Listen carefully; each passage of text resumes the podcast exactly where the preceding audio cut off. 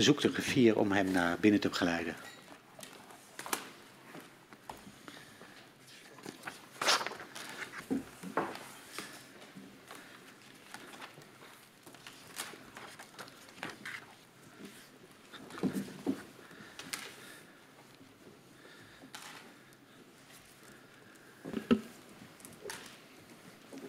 Welkom, meneer Wallagen.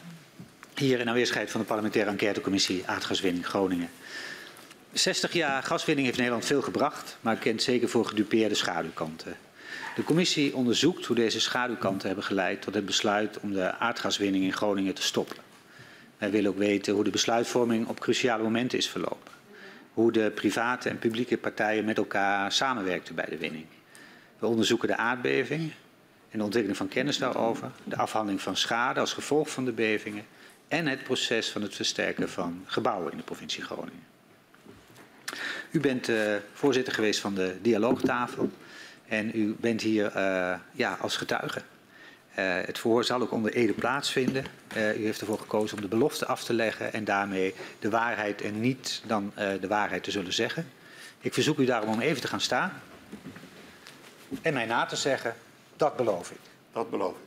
Dan staat u nu onder Ede. Mag u weer zitten. U mag uw jas uitdoen als u dat prettig vindt. Het is buiten nog veel warmer, maar ook hier voelen we het een beetje. Dus ik, uh, ik snap het heel goed. Het verhoor met u zal worden uh, uh, afgenomen door de heer Quint en mevrouw Van der Gaaf. En mogelijk dat op het einde ook mevrouw Kat nog enkele vragen aan u zal stellen. Dat is helder. Gaan we beginnen. Ja, uh, meneer Wallaag, u heeft een uh, lange bestuurlijke uh, carrière achter de rug, maar wij zullen vandaag vooral inzoomen op uw rol bij de dialoogtafel, waar u in 2014 en 2015 samen met de heer Kamminga voorzitter was. voordat we daarbij komen willen wij even kort de zogenaamde commissie Langman aanstippen, waar u ook een, een betrokkenheid bij had. Want het kabinet besluit in 1997, mede op basis van een motie van uw hand, uh, tot het instellen van de commissie Ruimtelijke Economisch Perspectief Noord-Nederland. Die uiteindelijk de commissie Langman uh, is gaan heten. Um, kunt u ons vertellen, speelde de discussie over de besteding van de gasbaten toen al een rol bij het besluiten rondom die commissie? Um, als je de, het rapport van de commissie bekijkt, niet erg uitbundig, om het maar voorzichtig te zeggen. Ik, ik kwam uh, krantenknipsels tegen uit die tijd en daar stond, in een van de knipsels stond erboven, uh, Langman pompt opbrengsten aardgas terug naar het noorden. Dus kennelijk was er wel een link. Um, in de, de, debat waar mijn motie toen is aanvaard, uh, speelde vooral de vraag. Um, de, de, economische kracht van Nederland balt zich samen in het Westen.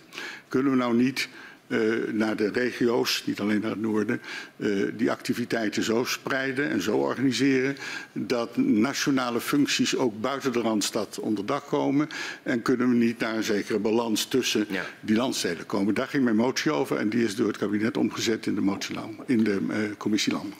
Ja, precies. Dan hebben we meer over regionale spreiding van economische welvaart. En... Ja, maar ook denk ik toch ook wel de, de, de, de, ik was voordat ik fractievoorzitter werd en die motie indiende, uh, gewoon Kamerlid.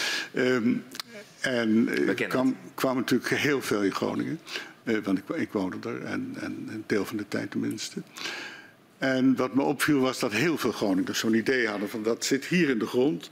Uh, en we moeten ervoor betalen qua, qua, qua koopkracht. En we, moeten, we, we krijgen maar een klein deel van wat er verdiend wordt terug. Dat thema ja. speelde al heel lang.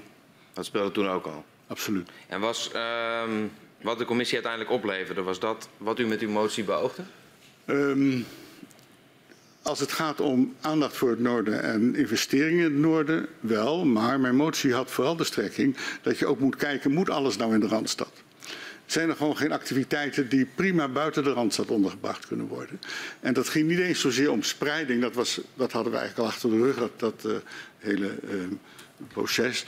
Maar het ging over de vraag, moet je niet planmatig omgaan met de ruimte die we in Nederland hebben. En de vijfde noodruimtelijke ordening die daarop volgde, heeft daar wel echt aandacht aan gegeven. Maar ik ben uh, eigenlijk wel altijd teleurgesteld gebleven over het feit dat in zo'n klein land uh, het, de, de, de verdeling van welvaart zo scheef is gegroeid. Dat, is, dat blijft mee bezighouden. Uh, Wim Kok heeft ooit eens gezegd, Nederland is te klein voor een periferie. Maar ik heb moeten vaststellen dat die periferie er is en dat die in tal van opzichten uh, op afstand van de Randstad staat, ook economisch. Gaan we naar begin 2014, want dan wordt er een bestuursakkoord gesloten. Vertrouwen op herstel en herstel van vertrouwen tussen het Rijk, de provincie Groningen en de aardbevingsgemeenten, zoals ze op dat moment eh, bekend waren.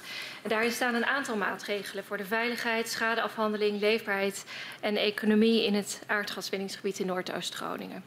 Um, in het akkoord is vastgesteld dat er een dialoogtafel zou komen. En u en de heer Pieter van Geel worden dan aangesteld als kwartiermakers.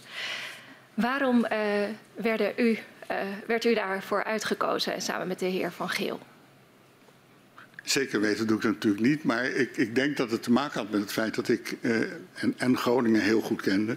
En in Den Haag als voorzitter van de Raad van het Openbaar Bestuur heel intensief bezig was met het idee. Er is parlementaire democratie. Uh, je hebt uh, departementen provinciehuizen, gemeentehuizen, maar er is ook een meer vormen van directe democratie denkbaar. Dus het onderwerp dialoogtafel paste wel erg waar ik in die jaren mee bezig was. En ik was heel blij dat ook Pieter van Geel werd gevraagd, die net als ik veel ervaring had op allerlei terreinen en die uh, ook geleidelijk aan denk ik tot de conclusie was gekomen. Um, politiek kan het misschien ook niet alleen af. Dat, je hebt gewoon de inbreng van de mensen nodig en dat moet je organiseren. En door wie werd u benaderd? Uh, door de Van den Berg, de door commissaris de Van den Berg. Ja. En uh, wat is u, uw eigen woorden het doel van de dialoogtafel? Nou ja, dan moeten we toch nog even terug voor dat bestuursakkoord, namelijk het advies van de commissie Meijer. Dat is ingesteld door de provincie, die commissie, met, met uh, uh, Wim Meijer en Pieter van Geel en Ed Nijpels onder andere daarin. Dus het was een, een zware commissie van mensen met veel ervaring. En die hebben iets, ja, ik vind nog steeds heel uitzonderlijks geconstateerd. Tot dat moment was aardbeving in Groningen schade die je aan je huis had en gedoe wat je met de NAM had. Om het maar kort samen te vatten. De commissie Meijer deed iets heel anders. Die zei, dit gebied is geteisterd. Hier is zoveel gebeurd. Hoe kun je hier in vredesnaam een nieuwe start maken? En de nieuwe start die de commissie Meijer bepleitte ging over economie, ging over herstel, ging over versterking. Maar die deed nog wat anders. Die zei in harde bewoordingen, uh, de politiek, het openbaar bestuur, uh, staat op zo verre afstand van de mensen. Mensen zijn zo boos, zijn zo teleurgesteld, hebben zo weinig hulp gehad in hun strijd om uh, het goed herstel van hun woning er moet iets gebeuren op het gebied van de betrokkenheid van de mensen. Die stelde dus in dat rapport een dialoogtafel voor. Als je dat stuk terugleest, dan zie je dat het hoofddoel was om de mensen in het gebied um, niet alleen betrokken te maken bij de beleidsontwikkeling, maar ze een stem daarin te geven.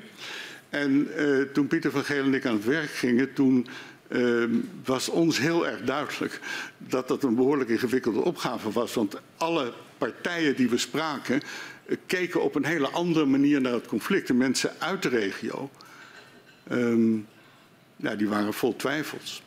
Uh, wat, moet de NAM hier? Waarom, waarom, waarom moeten we bij de NAM zijn die de schade heeft aangericht? Dat thema speelde enorm.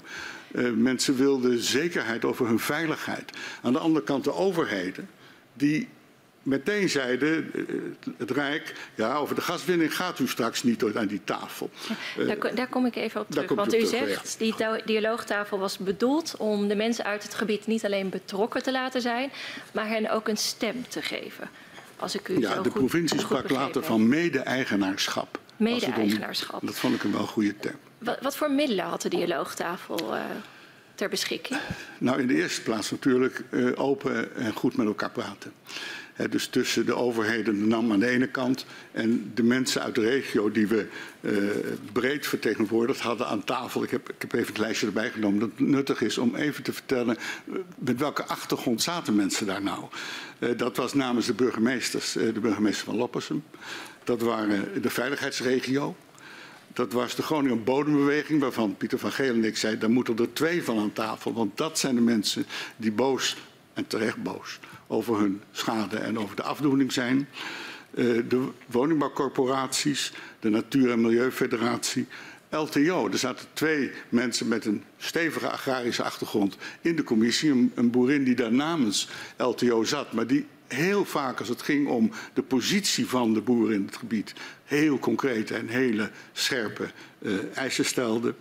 De Groninger kerken, uh, de bedrijven, grote bedrijven uit de Eemsdelta, maar ook het midden- en kleinbedrijf. de Vereniging Groningen Dorpen die weer op een hele andere manier naar het gebied keek. de samenwerking mijnbouwschade, het waren mensen die al heel lang bezig waren dus dat de schade echt op grond van de mijnwet vergoed moest worden. De provincie Groningen, de NAM en het ministerie van Economische Zaken. En als je nou naar die groep kijkt dan, en, en u vraagt terecht, wat had je nou voor instrument? Ja, overtuiging was natuurlijk het eerste. Proberen dat die mensen het eens zouden worden. Maar we hadden ook de mogelijkheid om onderzoek te doen.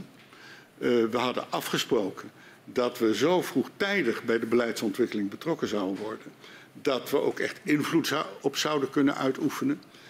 Maar de agenda van die partijen aan tafel was natuurlijk heel verschillend. Dus in het begin hebben we heel veel aandacht moeten geven aan tot een gezamenlijke agenda te komen. Ja. Dus u zegt, we, we, proberen het eens te worden, konden onderzoek uh, doen. Dat waren instrumenten die de tafel ter beschikking uh, had ja. om dat uh, te doen. Um, in hoeverre hadden de betrokkenen bij de dialoogtafel bij de start dezelfde doelen en uitgangspunten voor ogen? toen, toen Pieter van Geel onze, onze, en ik onze inventarisatie maken, bleek dat dat hele verschillende uitgangspunten waren. Kunt u dat toelichten? Ja, dat zal ik doen. In de eerste plaats zeiden de mensen uit de regio, de Groningers, om wie het ging. De NAM moet er tussenuit. Tussen het schade vaststellen en het betalen van die schade en de versterking, daar hoort de NAM niet zo'n rol te hebben. Straks nog iets over zeggen als u het goed vindt. Een tweede grote verschil van mening was uh, als, je, als je dit gaat doen, hè, dus als je de NAM er tussenuit haalt, dan moet er wel een plek zijn waar dat beleid ook gevoerd en ontwikkeld wordt. En een ander groot verschil, een fundamenteel verschil van mening, wat ons uiteindelijk enorm heeft opgebroken, was dat uh, Den Haag, het ministerie, de minister, uh, meteen aan het begin aantekende, ja luister eens even, wij nemen hier in Den Haag het gaswinningsbesluit, u gaat daar niet over. En de mensen zeiden, wacht even, het gaat om onze veiligheid. Het gaat om ons perspectief. Dus wij willen wel degelijk over die veiligheid kunnen spreken. En Pieter van Geel en ik werden daar meteen, daar waren we nog niet eens begonnen, geconfronteerd met waar u terecht naar vraagt, die, die botsing van opvattingen. En wij hebben gemeend daar een oplossing voor te moeten aangeven. Namelijk, oké, deze tafel neemt geen, probeert geen overeenstemming te bereiken over de gaswinning als zodanig. Dat is voorbehouden aan de minister. Maar wij, wij vinden wel dat de tafel over de veiligheid gaat. En toen later uh, de veertien onderzoeken kwamen waar we misschien nog over te spreken komen. Uh, toen hebben wij, Jan Kamminga en ik inmiddels als voorzitters gezegd... het kan niet zo zijn dat er hier in Den Haag een gaswinningsbesluit wordt genomen... zonder dat aan die tafel serieus over de veiligheid en met betrekking tot die veiligheid de onderzoekingen worden gesproken. En dat liep slecht af. Maar daar bent u nog niet naartoe waarschijnlijk. Nee, ja, want eh, we hebben een aantal vorige gehad. De heer Van der Leenpunt is uh, geweest uh, vorige week en de heer De Groot van het ministerie van Economische Zaken. De heer Van der Leenpunt, directeur van de NAM. En zij vertelden allebei ook hier dat de dialoogtafel er grote moeite mee had.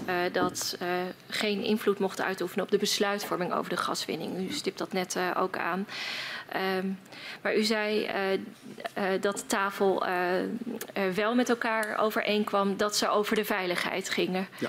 Kunt u toelichten waar dan wel over gesproken werd ten aanzien van de veiligheid aan die tafel in relatie tot de gaswinning? Ja, Pieter van Geenel en ik hadden in de verkenning gezegd: oké, okay, u neemt in Den Haag het winningsbesluit, maar wij vinden dat er aan die tafel moet worden gesproken over de gas, over de veiligheid. Minister Kamp uh, had al heel snel, in de contacten die Jan Kamminga en ik met hem hadden, duidelijk gemaakt van denk erom, uh, dat besluit is hier. Um, ik, ik was dat... Minister Kamp maakte dat zelf duidelijk. Aan, aan, ons zeker, en ook zijn vertegenwoordiger aan tafel deed dat heel evident. Zijn redenering was, um, ja, ik, ik draag de ministeriële verantwoordelijkheid. Ik heb dat een onderwerp waar ik wel een beetje mee bezig ben geweest al die jaren. Uh, een, een onterechte uh, verwijzing gevonden. Want je hebt inderdaad de ministeriële verantwoordelijkheid. Dat betekent dat je verantwoording af moet leggen aan de Kamer. Dat de Kamer jou uh, ter verantwoording kan roepen. Dat betekent het. Maar het betekent niet dat je in je eentje de baas bent. En dat betekent ook niet dat je je af kunt sluiten voor eh, hele reële belangen. En dat gebeurt bij de overheid dan meestal als we nemen een voorlopig besluit en dan mag je op reageren. Maar hier was iets anders afgesproken. Hier was afgesproken dat aan de voorkant eh, de tafel zou moeten proberen tot overeenstemming te komen. En eh, toen de minister vervolgens aankondigde, een tijdje later, dat hij 14 onderzoekingen zou laten verrichten. Wat ik overigens heel positief vond, want hij is de eerste minister geweest die toch maar die verschillende veiligheidsvraagstukken echt aan de orde heeft gesteld. Toen hebben Jan Kamminga en ik een compromisvoorstel gedaan. Oké, we gaan hier niet over de gaswinning, maar we gaan wel gezamenlijk deze 14 onderzoekingen bespreken. En daar is de vertegenwoordiger van de minister mee akkoord gegaan. Dus wij gingen een dag, bleek dat, een hele dag organiseren om die 14 onderzoeken met elkaar te bespreken. En de NAM zei, doe dat bij ons op het hoofdkantoor, dan bieden we jullie gastvrijheid en onderdak. Komen al die onderzoekers daar langs en dan gaan we dat hele pakket met elkaar bespreken. Dat was op een maandag en op de vrijdag werd ik gebeld door eh, de directeur-generaal Mark Dierks en die zei, Jacques, ik heb een hele vervelende mededeling. De minister wil dit gesprek niet. Je moet het afblazen. Welk gesprek wilde dat de gesprek, minister niet? Dat gesprek wat we als tafel zouden hebben over die 14 onderzoekingen. En een De dag die al, maar die al gepland was? Ja, die, die had, mocht- sterker nog, het was niet daarvoor. door. Ja, die ging dus eh, niet door. Ik vroeg aan eh Mark Direct, ja, maar dat, de minister heeft daar een afspraak over gemaakt met ons. We hebben gewoon gezegd, omdat dat grote conflict er lag, eh, wij gaan niet over de gaswinning, maar de mensen willen wel over de veiligheid spreken, hebben we afgesproken dat we deze 14 onderzoeken met elkaar zouden bespreken. Heeft, heeft de minister toen alle, alle, alle genodigden afgebeld? Of Nou, dat hebben, dat hebben wij gedaan. We waren de, de, de organisator van deze bijeenkomst. En eh, ja, er was natuurlijk een grote boosheid. En ik heb nog moeite moeten doen bij een paar leden om te voorkomen dat ze al meteen wegliepen. Ja.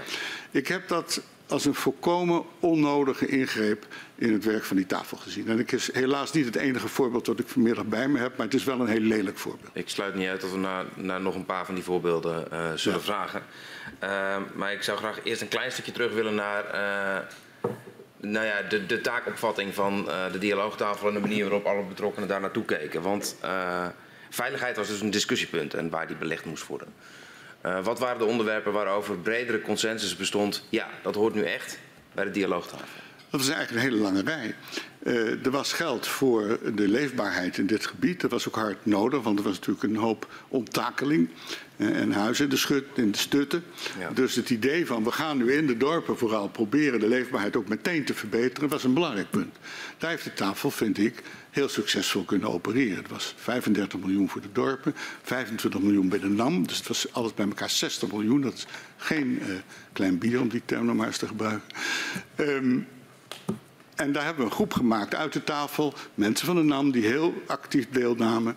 eh, mensen uit de gemeentelijke sfeer. We hebben binnen een half jaar een plan gemaakt waarbij dorpshuizen konden worden opgeknapt. En eh, de bomen konden worden geplant enzovoort. Dus dat is zo'n onderwerp. Eh, de versterking en uiteraard in de eerste plaats het schadeherstel was zo'n onderwerp. Eh, we, hebben dus, we hadden een hele lange lijst van dingen waar we tegen elkaar zeiden... daar moeten we proberen overeenstemming te En bereiken. op die punten was wel consensus, in tegenstelling tot veiligheid. Tenminste, over het, eh, waar het beleg dient. Ja, precies. Ja. Ja. Ja, Ehm, de heer, we hadden hier eh, een gesprek met de heer De Groot. Ik weet niet in hoeverre u dat heeft. eh, Voor een deel. Ja. Ehm, hij zegt dat een van de problemen volgens hem van de dialoogtafel was dat het geen duidelijke formele opdracht had en ook geen duidelijke achterban. Ehm, Dat, dat is, dat is die opmerking kan ik helemaal niet plaatsen. Ehm, de, de, de, de bedoeling van de tafel was glashelder. Namelijk de vertegenwoordigers uit deze samenleving, uit dit gebied, eh, de maatschappelijke organisaties in een positie brengen waar ze tot dusver nooit in waren geweest. Namelijk mede-eigenaar te worden van het beleid wat werd ontwikkeld. Dat was de bedoeling. dus hadden wel een achterban. En de mensen die daar zaten, ik heb u net even de achtergrond Ja, ja. genoemd. Ik was juist heel erg onder de indruk van het feit dat LTO met alle aangesloten boeren contact hield over de dialoogtafel. Eh, Jan Kammer en ik zijn een, een dorpenronde begonnen op enig moment. En ik was echt verbaasd over wat allerlei mensen daar wisten van wat er speelde. We hebben in alle opzichten geprobeerd eh, de, de, de, informatie naar de mensen te brengen. En ik, ik durf de stelling aan dat met name de organisaties, de Groninger Bodembeweging, eh, de Natuur en Milieu die aan tafel zat, echt hun eigen achterban juist hebben geactiveerd. Wat, waar de heer De Groot waarschijnlijk op doelt. En dat is een, ja, dat is een eindeloos debat uh, als het om participerende democratie gaat. Dat de vertegenwoordigende democratie, dat bent u hier op het Haagse niveau, zegt wij vertegenwoordigen de mensen. En dat is ook zo. Het hele Nederlandse volk. En tegelijkertijd is er bij heel veel mensen de behoefte om zelf zichzelf te vertegenwoordigen. Dat is ook het grote dilemma van het politieke bestuur. Hoe vertegenwoordig je een volk dat zichzelf wil vertegenwoordigen? Nou, hier zaten mensen, als ik het in rond Nederlands mag zeggen, in de shit. En die waren bereid om ondanks dat stukken te lezen, aan tafel te vergaderen, verantwoordelijkheid te nemen. Ik heb me echt heel vaak afgevraagd wat gebeurt er als de mensen bij hun achterban gaan vertellen dat ze met de directeur van de NAM in gesprek zijn? En dat ze met de vertegenwoordigers van economische zaken in gesprek zijn. Dus met andere woorden, die mensen hadden juist een achterban, maar het waren geen partijpolitici zoals in de provinciale staten of in de Kamer. Ja. Het waren mensen die bijvoorbeeld voor de Groninger kerken opkwamen. Of het waren mensen die zeiden, uh, onze dorpen liepen al leeg en nu hebben we dit eroverheen en wat is ons perspectief? Dus nee, ik hou hier met kracht staande dat de mensen die daar aan tafel zaten juist representanten waren van het aardbevingsgebied. En u zei net, ik heb mijn hart wel eens vastgehouden wat er gebeurt als deze representanten teruggaan naar hun uh, gemeenschap en daar vertellen dat ze in gesprek waren met uh, bijvoorbeeld de directeur van de NAM. In hoeverre lukte het om uh, de bewonersorganisaties ook nou ja, medeverantwoordelijkheid te laten dragen voor de besluiten die daar genomen werden. Nou, een van de, een van de lelijkste onderwerpen uh, die er waren was de taxatie van de uh, woningen en, en de bedrijfspanden. Want daar is in de eerste jaren, dus dat is voorhuizingen, uh, zoveel gebeurd dat een, een belangrijk deel van de boosheid van mensen daar is terug te leiden. En dat kwam natuurlijk omdat degene die de schade kwam opnemen, degene was die het veroorzaakt had.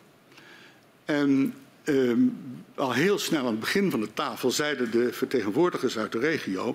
Dat moet anders, dat moet objectiever. Daar, daar moeten regels gelden, zodat we zeker weten dat we ver beoordeeld worden. Toen hebben we eh, besloten als tafel, iedereen, om een schadeprotocol te maken. En dat is zo'n product waar ik ook echt vandaag nog trots op ben, omdat namelijk mensen die aan tafel zaten, maar ook deskundigen die we aantrokken, eh, vanuit de kleine staf van, de, van de dialoogtafel Suzanne mm. Top. Een aantal mensen zijn daar maanden bezig geweest een objectieve spelregels te maken. En daar hebben we ook overeenstemming over bereikt. Later toen dat moest worden uitgevoerd door het Centrum voor Veilig Wonen, raakten we het zicht daarop kwijt. Dat is ja, een beetje een verdrietig puntje. Maar u vroeg naar voorbeelden van ja, hoe het kan werken. Dat was bij de, bij de leefbaarheid zeker zo. Um, waar we helemaal geen greep op kreeg, was de versterking. Daar komen we misschien nog wel even op. Ja, nee, alle drie de punten zelfs. Ook het, ook het okay, schadeprotocol nou. nog en, uh, en Centrum Veilig Wonen. Dus ja. daar komen we alle drie nog los op terug. Um, merkte u, uh, waren er wel eens problemen um, om NAM de verantwoordelijkheid te laten nemen voor de besluiten die aan de tafel genomen werden? Nou, er gebeurde bij NAM en soms ook wel een beetje bij de overheid iets heel uh, bizars eigenlijk. We hadden goede gesprekken. Ik vond de vertegenwoordiging van de NAM, maar ook van economische zaken aan tafel echt constructief meewerken. Dat is dus, dus de, klachten die ik heb of de zorgen die ik heb, die slaan niet op de personen en hun persoonlijke inzet. Maar er gebeurde heel iets anders. Als uh, de heer Van der Leenput, die de eerste periode daar namens de naam zat, in een vergadering uh, zat, dan was dat een creatieve en betrokken man die echt naar oplossing aan het zoeken was. Dan kwam er van ons kleine maar goede secretariaat, een verslag van die bijeenkomst. Ja. Die ging dan naar de NAM. En die kwam dan terug met iets wat ik in mijn hele loopbaan nog nooit had meegemaakt. Namelijk dat daar zinnetjes werden ingevoegd die helemaal niet gezegd waren. En ik vroeg dat wel eens van wat gebeurt hier? Nou, dan kijkt de afdeling legal, die keek even naar hoe het daar zat. En die vonden dus eigenlijk dat meneer Van der Leemput had moeten zeggen. Ja. En die kwamen dan met een zinnetje. En dan zeiden wij, ja zeg. Maar hoe loopt dat af dan? Nou, in het algemeen eh, eh, stond ik achter onze secretaris. Namelijk, uh, dit is niet gezegd, dat nemen we niet op. Het is een klein voorbeeld van iets wat veel groter is in zijn essentie. Um, de, de, functie van de NAM is uh, gas en olie opsporen en winnen. Dat is hun vak. En door de redenering, ja, maar jullie zijn aansprakelijk en dus zijn jullie ook verantwoordelijk voor wat er moet gebeuren. Dat was ook wat de minister eindeloos zei. Mm -hmm. Ja, ontstond daar dus een, een, een in de eerste plaats principieel aanvechtbare situatie. Ik gaf heel vaak het voorbeeld, als ik dat in Den Haag moest uitleggen, want dat ging niet vanzelf, zei ik wel eens, nou je wordt aangereden door iemand die van links komt en die knalt op jouw auto. En dat is dus echt wel zijn schuld. Hè? Dan staat die man de volgende dag bij jou op de stoep. En die zegt, ik kom eens even kijken hoeveel schade jij hebt. En die loopt om jouw auto heen en zegt, oh, oh, wacht even. Maar die deuk die zat er al. Ik denk dat de meeste Nederlanders, als ze dat overkomt, zeggen, weer wegwezen. Maar de Groningers hebben dus jaar na jaar moeten werken in een situatie waar dat gebeurt. En dat is veroorzaakt doordat ja, ik heb het wel eens een beetje bozig een, een denkfout genoemd. Iemand kan 100% aansprakelijk zijn. Maar daarmee hoeft hij nog niet verantwoordelijk te zijn voor het oplossen van het probleem. En dat zagen ze bij de NAM geleidelijk ook wel. Het liep zo over de schoenen. Ze konden ook de aantallen niet meer aan. En ook bij de NAM was dus het idee wat in het rapport van Pieter van Gelenmij al stond. Maak een werkmaatschappij. Um, dat wordt het Centrum Veilig Wonen. Dat komen we straks even terug. Maar ik wil even uh, naar dit specifieke uh, voorbeeld wat u noemt. Mm -hmm. Daar zat het voornaamste probleem dus erin dat de heer Van der Levenpunt wel degelijk bereid was om aan de dialoogtafel mee te denken en op zoek te gaan naar uh, ja. Nou ruimte om, de, om, aan de wensen van de ja. inwoners tegemoet te komen. Maar dat, dat die vervolgens door het hoofdkantoor werd teruggefloten. Ja, ik, ik, herinner me vrij forse discussies daarover. Want het is natuurlijk heel raar als je met iemand, met iemand goed zit te spreken en er komt consensus en daar ben je dus ook blij mee, want er, iedere stap was er wel één.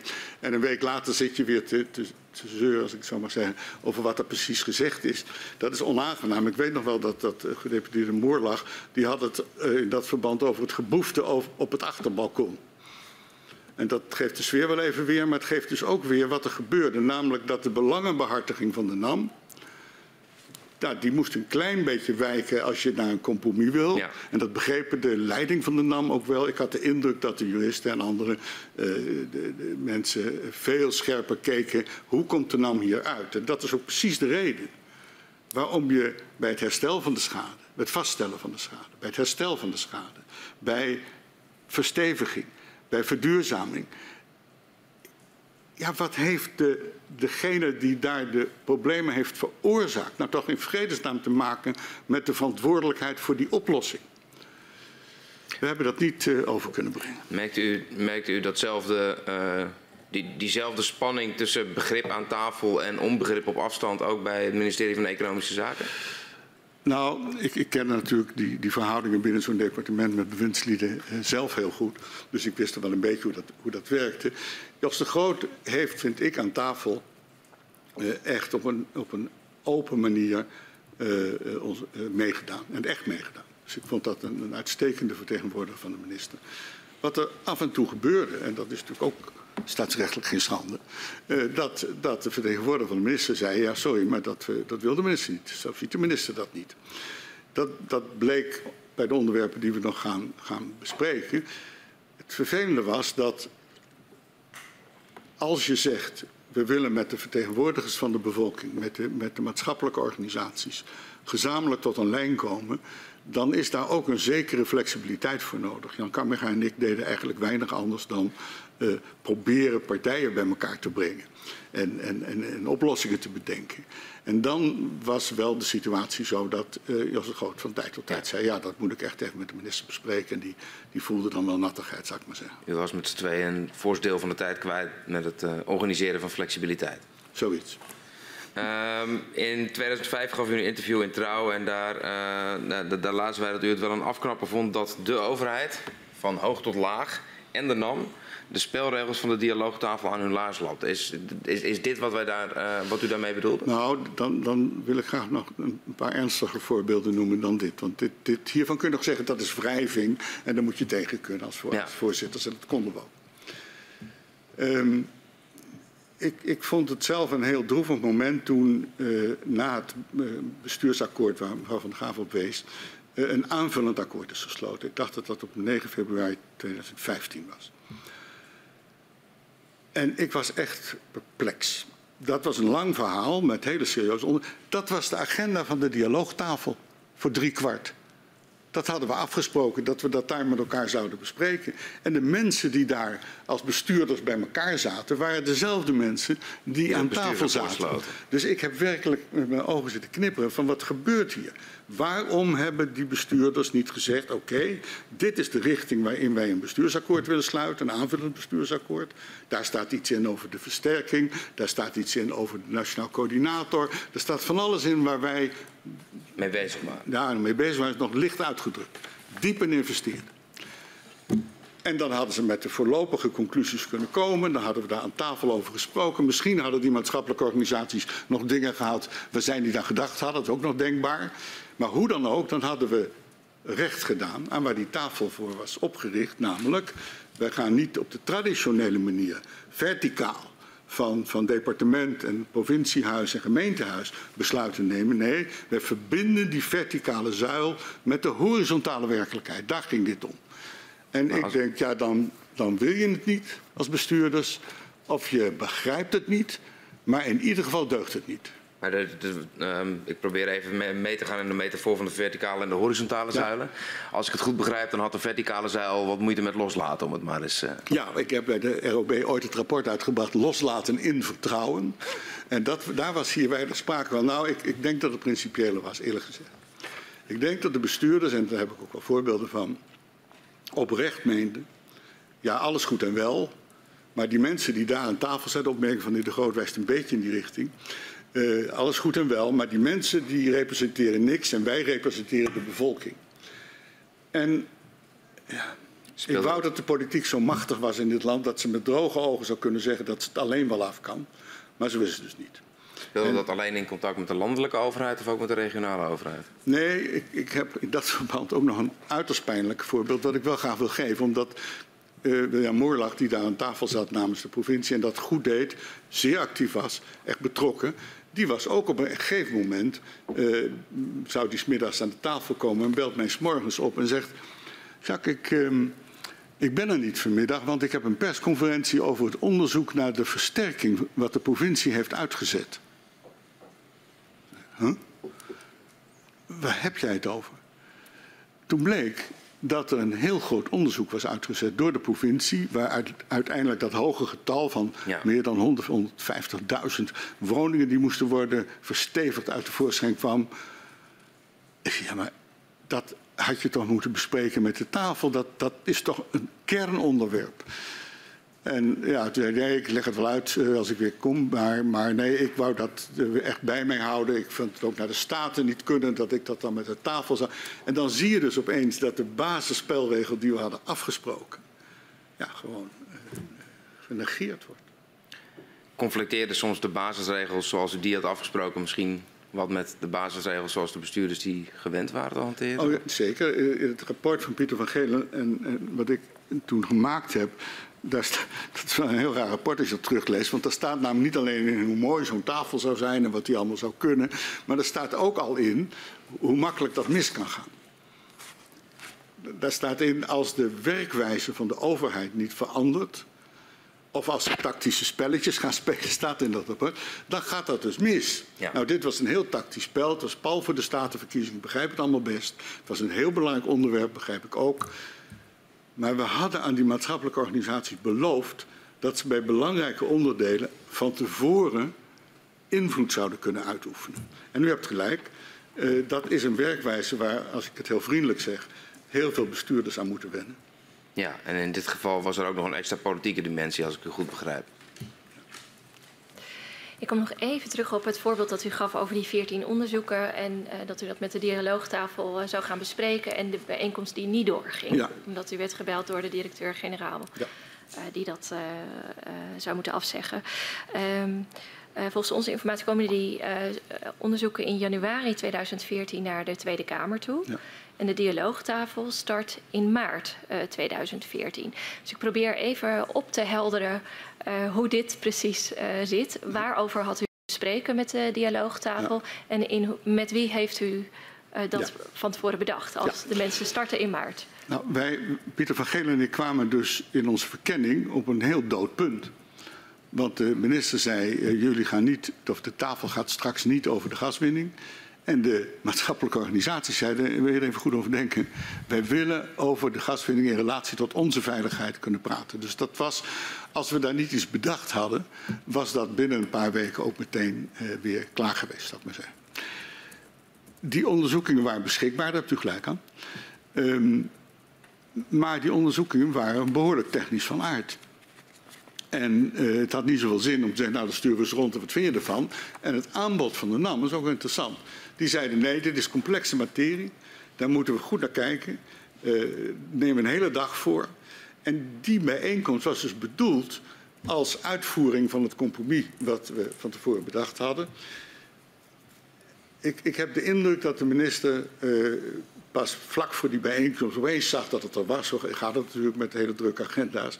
En opeens dacht van, oh, dan wordt daar dus uitvoerig gesproken. Hij was ook bang dat het zou lekken. Daar was ik heel nijdig over, want in die bijna twee jaar dat Jan Kammerga en ik die tafel hebben voorgezeten, is er nooit iets gelekt. Dus ik vond het, ik vond het ook op dat moment al uh, uh, echt onheus. Nee, hij wilde niet dat wat wij, wat wij van plan waren. Namelijk, als je goed over die onderzoekingen praat. en je wilt tot overeenstemming komen over de conclusies over die onderzoekingen. dan rolt daar een opvatting over veiligheid uit voort. Waarbij één onderwerp um, mij ook altijd gefascineerd heeft. Voordat we met die tafel begonnen. waren al mensen in Groningen die zeiden: we moeten de hand aan de kraan. En daar bedoelden ze niet mee, de aardgaswinning moet naar nul. Nee, de aardgaswinning moet naar beneden. En dat moet aan veiligheidsrandvoorwaarden voldoen. En we moeten met de hand aan de kraan kunnen besluiten dat die verder naar beneden moet als dat nodig is. Het was eigenlijk een heel gematigd standpunt. En ik denk dat, dat, dat als we die bijeenkomst hadden gehad, dat dan de randvoorwaarden waaronder aardgaswinning wat de bewoners betreft mogelijk was geweest, inclusief de hand van de kraan, waarschijnlijk wel uit dat gesprek was gekomen. Dus ik was niet alleen teleurgesteld dat er een, die afspraak die in ieder geval met mij was gemaakt niet werd nagekomen, maar ik was ook inhoudelijk teleurgesteld. Ik, ik had nog wel een kans gezien om die moeizame balans als het om de aardgaswinning zelf gaat, ja, om, daar, om te kijken of we daar tenminste overeenstemming over zouden kunnen. En dat moment dat die bijeenkomst zou plaatsvinden, wanneer zou dat zijn?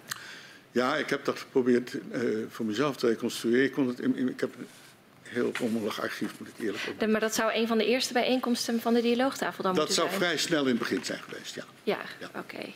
Uh, en uh, even voor ons goede begrip. Uh, de woorden zoals u die juist over de minister weergaf... die zijn tot u gekomen via mm, de heer Dieriks? nee. Of heeft u ze rechtstreeks van de minister nee. gehoord? op 9 mei van dat jaar nee, 14, hè, 9 mei 14, zijn Jan Kammerga en ik uh, naar de minister gegaan, omdat we al vrij snel na het begin een hele boze brief van de maatschappelijke organisaties hadden. Ik vat het kort samen, namelijk dit wordt niks. En in, dat, in, dat, in die brief stonden voorbeelden van waarom zij er eigenlijk geen vertrouwen in hadden. En kernpunt daar was weer de vraag, de NAM moet er tussenuit. En hoe gaat dat dan? En toen zijn Jan Kammerga en ik bij de minister geweest. We zijn overigens drie, vier keer bij de minister geweest hoor. Dus die, die stond, stelde zich ook echt wel open. En op dat moment heeft de minister zelf gezegd: uh, ik, ga hier over de, ik ga over de gaswinning. En uh, toen hebben wij gezegd: ja, dat, dat, bestrijdt niemand. Maar kunnen we nou niet iets bedenken? Enfin, de rest van het verhaal. Um, in het uh, bestuursakkoord uh, Vertrouwen op herstel en herstel van vertrouwen is opgenomen dat een professionele uitvoeringsorganisatie voor schadeafhandeling en versterking zal worden gevormd in overleg met de dialoogtafel. Ja. Uh, die organisatie krijgt uiteindelijk de naam Centrum Veilig Wonen. in hoeverre was de dialoogtafel betrokken bij dat Centrum Veilig Wonen? In de allereerste plaats stond in het advies van Pieter van Gelenmij... er moet een werkmaatschappij komen. Dus toen we begonnen, Jan Kammerga en ik, aan de tafel... is het feit er moet een werkmaatschappij komen, stond al op onze agenda. Dat liep overigens toen dus wel redelijk parallel met wat ze bij de NAM vonden. Want die wilden eigenlijk af van het feit dat al die beslissingen binnen hun organisatie werden genomen... en die wilden een, een, eigenlijk ook een soort werkmaatschappij. We hebben toen over het feit dat het ding er moest komen, uh, open overleg gehad. We hebben ook uh, de kans gekregen iets te vinden van de aanbestedingsprocedure die de NAM wilde hanteren. Maar toen werd het heel vervelend. En ik, ik kom graag even terug op het uh, gesprek wat de heer De Haan met u gehad heeft. En waarin hij, vond ik, buitengewoon onheuse dingen over Jan Kamminga zei. Dat gaat over dit punt. Want wat gebeurde er?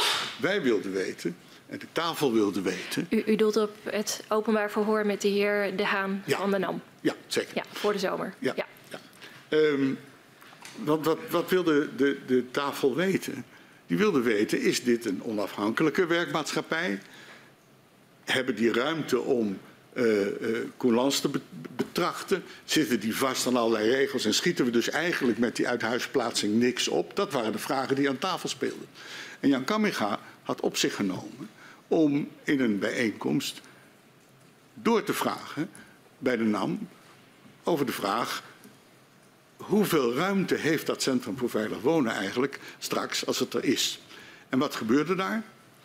Daar werd, uh, of dat de heer De Haan was, weet ik niet, maar in ieder geval, hij was erbij kennelijk, want hij uh, kon akelige dingen over Jan Kamminga zeggen bij u.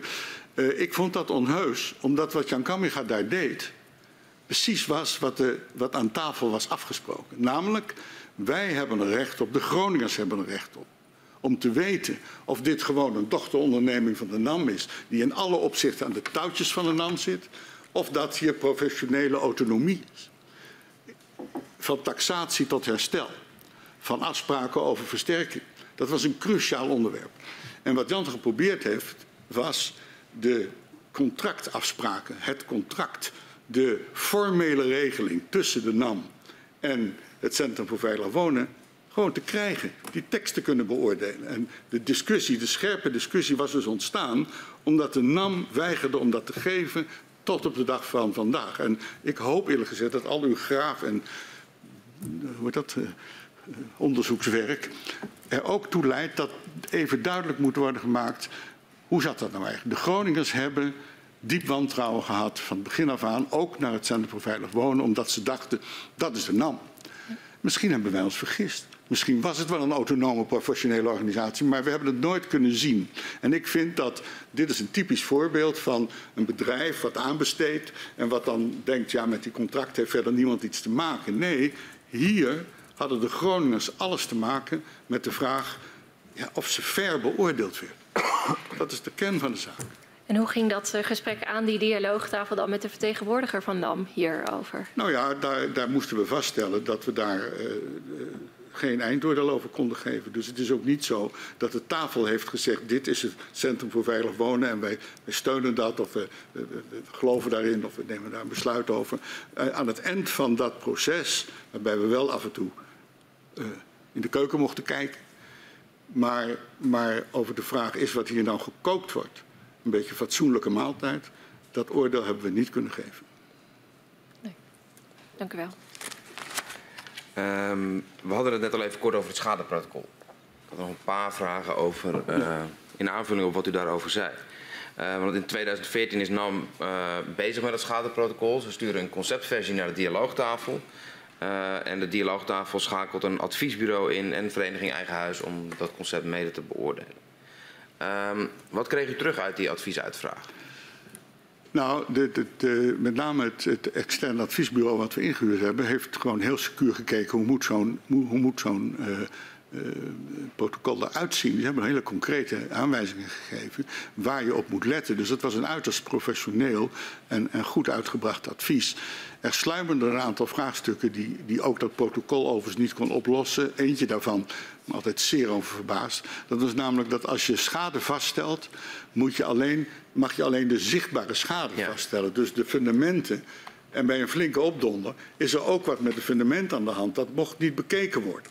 Nou, zo waren er was er wel een waslijstje van dingen waar mensen van zeiden, ja, dat moet in dat protocol beter geregeld worden. Nou, dat is ook echt een compromis geworden, een, een, een onderhandeling die uiteindelijk leidde tot wat, geloof ik, iedereen wel een verbetering vond. Alleen toen het Centrum voor Veilig Wonen er was, werd dat dus omgezet in een programma van eisen. Ja.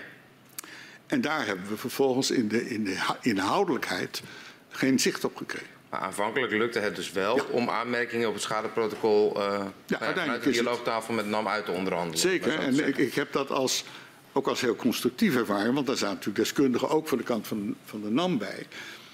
Maar ja, wat je, dus, wat je dan dus doet, en daarom ja, is mijn oordeel over die tafel ook heel genuanceerd. Namelijk, daar waar partijen investeerden, daar hebben we enorme stappen kunnen zetten. Dit Oh. was er zo een. Specifiek op dit punt was, eh, eh, zei juist de heer Van der Leemput tegen ons in zijn verhoor van ja, ik, eh, ik kreeg wel wat kritiek te verduren aan de dialoogtafel omdat ik met een concept onder de arm aanschoof. En dat er nog maar heel weinig ruimte leek, of in ieder geval dat de, Ja. de partners dat zo voelden om daar iets aan te veranderen. Ja, dat, dat, dat klopt. En dat had te maken met het feit dat het een beetje een soort algemene irritatie was. De tafel werd heel vaak geconfronteerd, eh, bij de waardevermeerderingsregeling bijvoorbeeld, met een volledig panklaar ding. Nou, u, kent dat gevoel als Kamerleden. Eh, dan komt er vlak voor het debat plotseling een, een brief van zeven kantjes en dan word je geacht om daar iets verstandigs van te zeggen. Nou, dat gebeurde bij de tafel zeer regelmatig. Nou, niet alleen van de kant van de NAM, maar iedereen kwam aandragen met een min of meer kant-en-klaar product. En ja, dan zie je dus uw eerdere vraag, eh, eh, ja, dat is een proces wat ook aan de kant van die overheden geleerd moest worden. En nou ja, ging af en toe. als ik u goed hoor, dan, dan was u wel tevreden over hoe uiteindelijk dat gesprek verliep en over, het schadeprotocol dat tot stand kwam. Wat ik, ik ben er niet bij geweest, wat ik teruggerapporteerd heb gekregen eh, van, van Suzanne, die er wel bij was, was dat het af en toe een stevig gevecht was. Dat, de, dat de dames en heren wel even met de koppen tegen elkaar gingen, maar dat uiteindelijk daar wel overeenstemming is bereikt. En ja, de belangentegenstellingen en de, en de opgelopen mentale schade van het Groningers hing boven die tafel. Dus iedere keer als je probeerde een beetje zakelijk stap voor stap iets met elkaar af te spreken, ja, dan ging het ook wel eens een beetje hard. Zeker. Heeft dit eh, protocol uiteindelijk voor de Groningers opgeleverd wat het had moeten opleveren?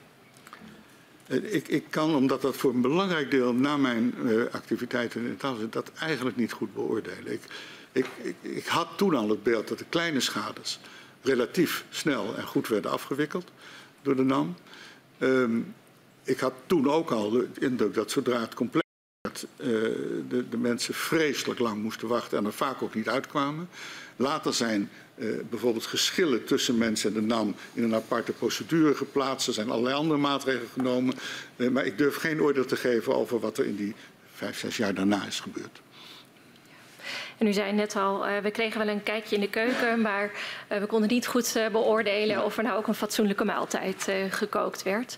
Ehm, stond de NAM in de ogen van de dialoogtafel nou voldoende op afstand? Nou, we hebben dat dus niet kunnen beoordelen, want dat moet je beoordelen op basis van de instructies die die nam. Ik weet dat, dat de, de directeur van eh, Centrum voor Veilig Wonen, die daar toen is aangesteld, de heer Wijlen, de heer die vind ik in die korte periode dat hij daar gewerkt heeft, echt heel goed werk gedaan.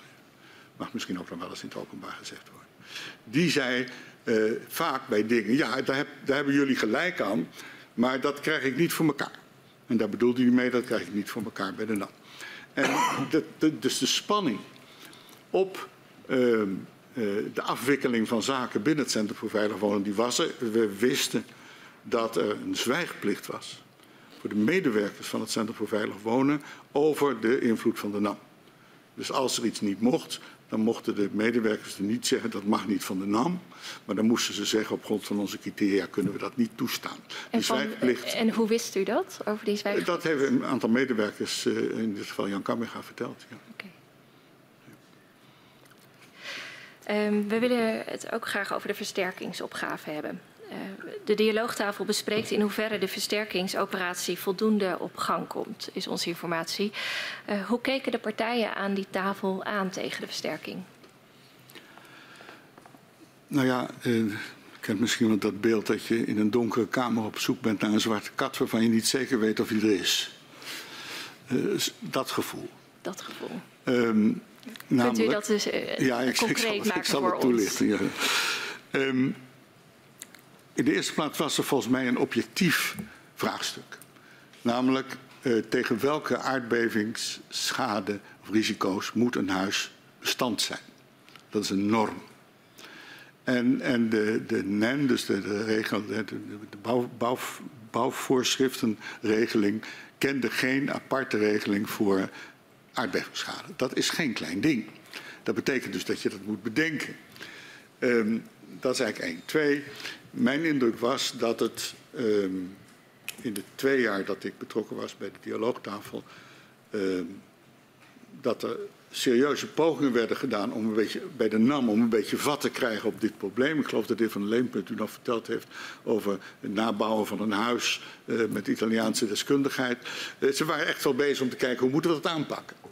Maar wij hadden uh, aan tafel met elkaar afgesproken, er moet samenhang komen tussen het, het, het repareren van schade, het aanbrengen van verbeteringen, verduurzaming van dat huis. En het, het bestand maken tegen nieuwe aardbevingen, uh, de versterking. We noemden dat de drieslag. De drieslag is voor Jan Kammerhuis ongeveer een, een, een, een banier geweest waaronder hij zijn werkzaamheden heeft verricht. Hij deed dat deel van het werk. En dat vond iedereen. Maar het gebeurde niet. En het gebeurde onder andere niet omdat rond die versterking de, de kennisontwikkeling langzaam ging. De plannenmakerij was echt heel ad hoc. Af en toe gebeurde er weer opeens iets, waren ze ergens bezig. En bij ons, uh, bij de voorzitters, heeft dat er mede toe geleid dat we zeiden er komt geen samenhang tussen die drie processen. Mensen worden dus straks twee keer of drie keer lastiggevallen in hun huis als het, als het fout gaat. Er komt geen samenhang als er geen publieke regie in de regio komt. Met andere woorden, dat moet de NAM niet doen. Dat kan de NAM ook helemaal niet doen. Dus er moet aan de publieke verantwoordelijkheidskant iemand komen die dat uh, kan coördineren. Dat is mede de, de situatie rond de versterking is daar mede aanleiding voor geweest.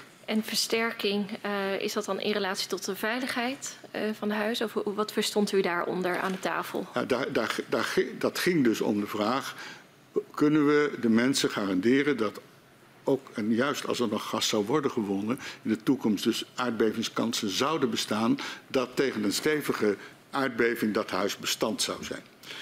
En ik weet toch wel dat, dat uh, toen later in de tijd, want daar zijn we nog niet, uh, uh, Hans Alders begon als, als nationaal coördinator, Suzanne Top en ik nog eens een hele avond bij hem zijn geweest om toe te lichten waarom wij zoveel zorg hadden over het feit dat um, dat die twee, drie processen helemaal los van elkaar gingen en dat er geen greep was op die versterking. Want als je die niet hebt, dan kun je ook niet tegen de mensen zeggen, blijf, blijf in je huis. Want, want je hebt dus een eindeloze discussie gehad later over de vraag, woont u daar wel veilig? En we hebben toen gezegd, misschien moet je niet vanuit die centrale norm, zo veilig moet het zijn, al die huizen ondersteboven gooien.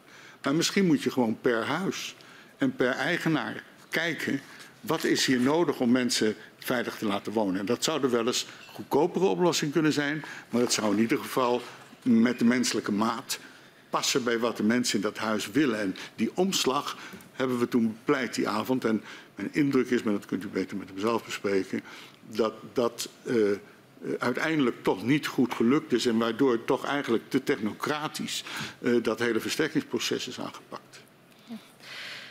In 2015 ligt de versterkingsopgave bij het Centrum Veilig Wonen. En de minister schrijft aan de Tweede Kamer dan dat het centrum capaciteit heeft om 3000 woningen preventief te versterken. Maar de dialoogtafel plaatst daar vraagtekens bij. Waarom? Uh, omdat onze onvolprezen uh, Suzanne Top gewoon was nagegaan. En hoeveel hebben we dan nu versterkt? Hoe loopt dat proces eigenlijk? En er werd dus naar de Kamer toe heel vaak met, met, met getallen geschermd, waarvan wij dus zeiden, eh, voorzitters, het staf, maar ook wel de mensen aan tafel. Nou ja, waar ze dat nou weer vandaan halen, dat lijkt ons niet een realistische inschatting, om het maar een beetje chic te zeggen. Dat had te maken met het feit, en dat is ook een deel van het proces waar, waar u waarschijnlijk over nadenkt. De minister voelde natuurlijk een enorme druk vanuit de Kamer. Kreeg ook van tijd tot tijd in de regio op zijn lazer, maar kreeg ook in de Kamer forse kritiek.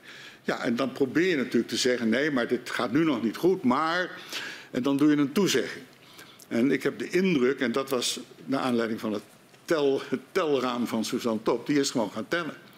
En toen bleek dat we in tientallen zaten op dat moment, of uh, nog niet eens op honderdtallen. Ja, en dan vraag je je dus af wat voor een, wat voor een, wat voor een geestelijk bouwwerk wordt hier opgebouwd en, en, en wie moet dat nog geloven?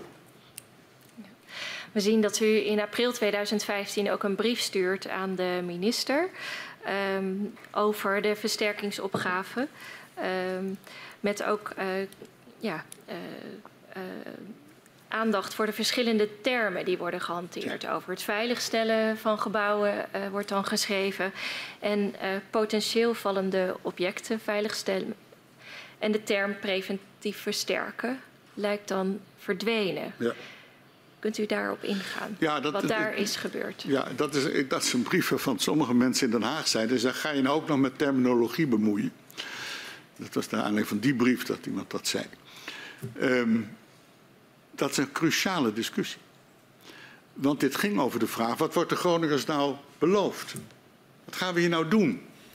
En wij ontdekten dus al heel snel dat in brieven naar de Kamer, maar ook in, in reacties uh, naar ons toe, heel verschillende termen werden gebruikt. En ik, ik dat aan het feit dat die discussie over die norm, waar de commissie Meidam uiteindelijk voor is benoemd, uh, uh, ja, dat was niet uitgekristalliseerd. En de minister moest wat. Ehm, ik denk dat, dat een, van de, ja, een van de lessons learned zou moeten zijn, als er ooit nog weer eens wat in Groningen gebeurt. Groningers zijn niet gek. Die kunnen heel goed lezen, kunnen heel goed schrijven, kunnen precies begrijpen wat er staat. En die hadden heel snel door, wij weten niet waar we aan toe zijn met die versterking. En daar kwam die brief vandaan. En we hebben niet zoveel brieven geschreven. We hebben keer een pittige brief geschreven over de, over de regie. Uh, we zijn af en toe afgereisd naar Den Haag om nog pittiger dingen te zeggen. Maar, maar dit was er een waarvan ik vond dat we in, in een moerassige situatie terechtkwamen. En dat maakt u duidelijk. Ja. En leidt dat dan ook tot verandering of tot resultaat? Ik, ik, ik, durf niet, dat durf ik niet te beantwoorden. Want ik, ik, ik, ik, weet niet, ik denk niet dat de terminologie principieel is aangepast. Ik denk wel dat ze op economische zaken even een beetje gingen opletten wat ze tegen u zouden zeggen. En uiteindelijk, eh, na het rapport van de commissie Meijer, dan moest er een keus gemaakt worden. En wat, wat dus te beginnen bij het rapport van de commissie Meijer en nu dan dus hier met de commissie Meijer en bij de bestuursakkoorden eigenlijk gebeurde, was dat de relatie, dit is tussen de bewoners en de NAM, vervangen werd door hier moeten we allemaal, hier is de publieke ruimte verantwoordelijk. Hier is de regering verantwoordelijk. En, en dat, dat is, als je, da, als je dat terugziet, ongelooflijk lang heeft dat geduurd. Het feit dat ze bij de NAM aan het puzzelen waren over de versterking. Als je er even goed over doordenkt. Het gaat over de toekomstige veiligheid. Dat was een randvoorwaarde geweest voor doorgaan met winnen, inderdaad. Dus wel een NAM-belang. Maar wie gaat er nou toch over de veiligheid van huizen in dit land? Wie, wie moet er nou tegen de Groningers zeggen: jij woont nu in een veilig huis? Dat is toch de overheid, dat is toch de regering.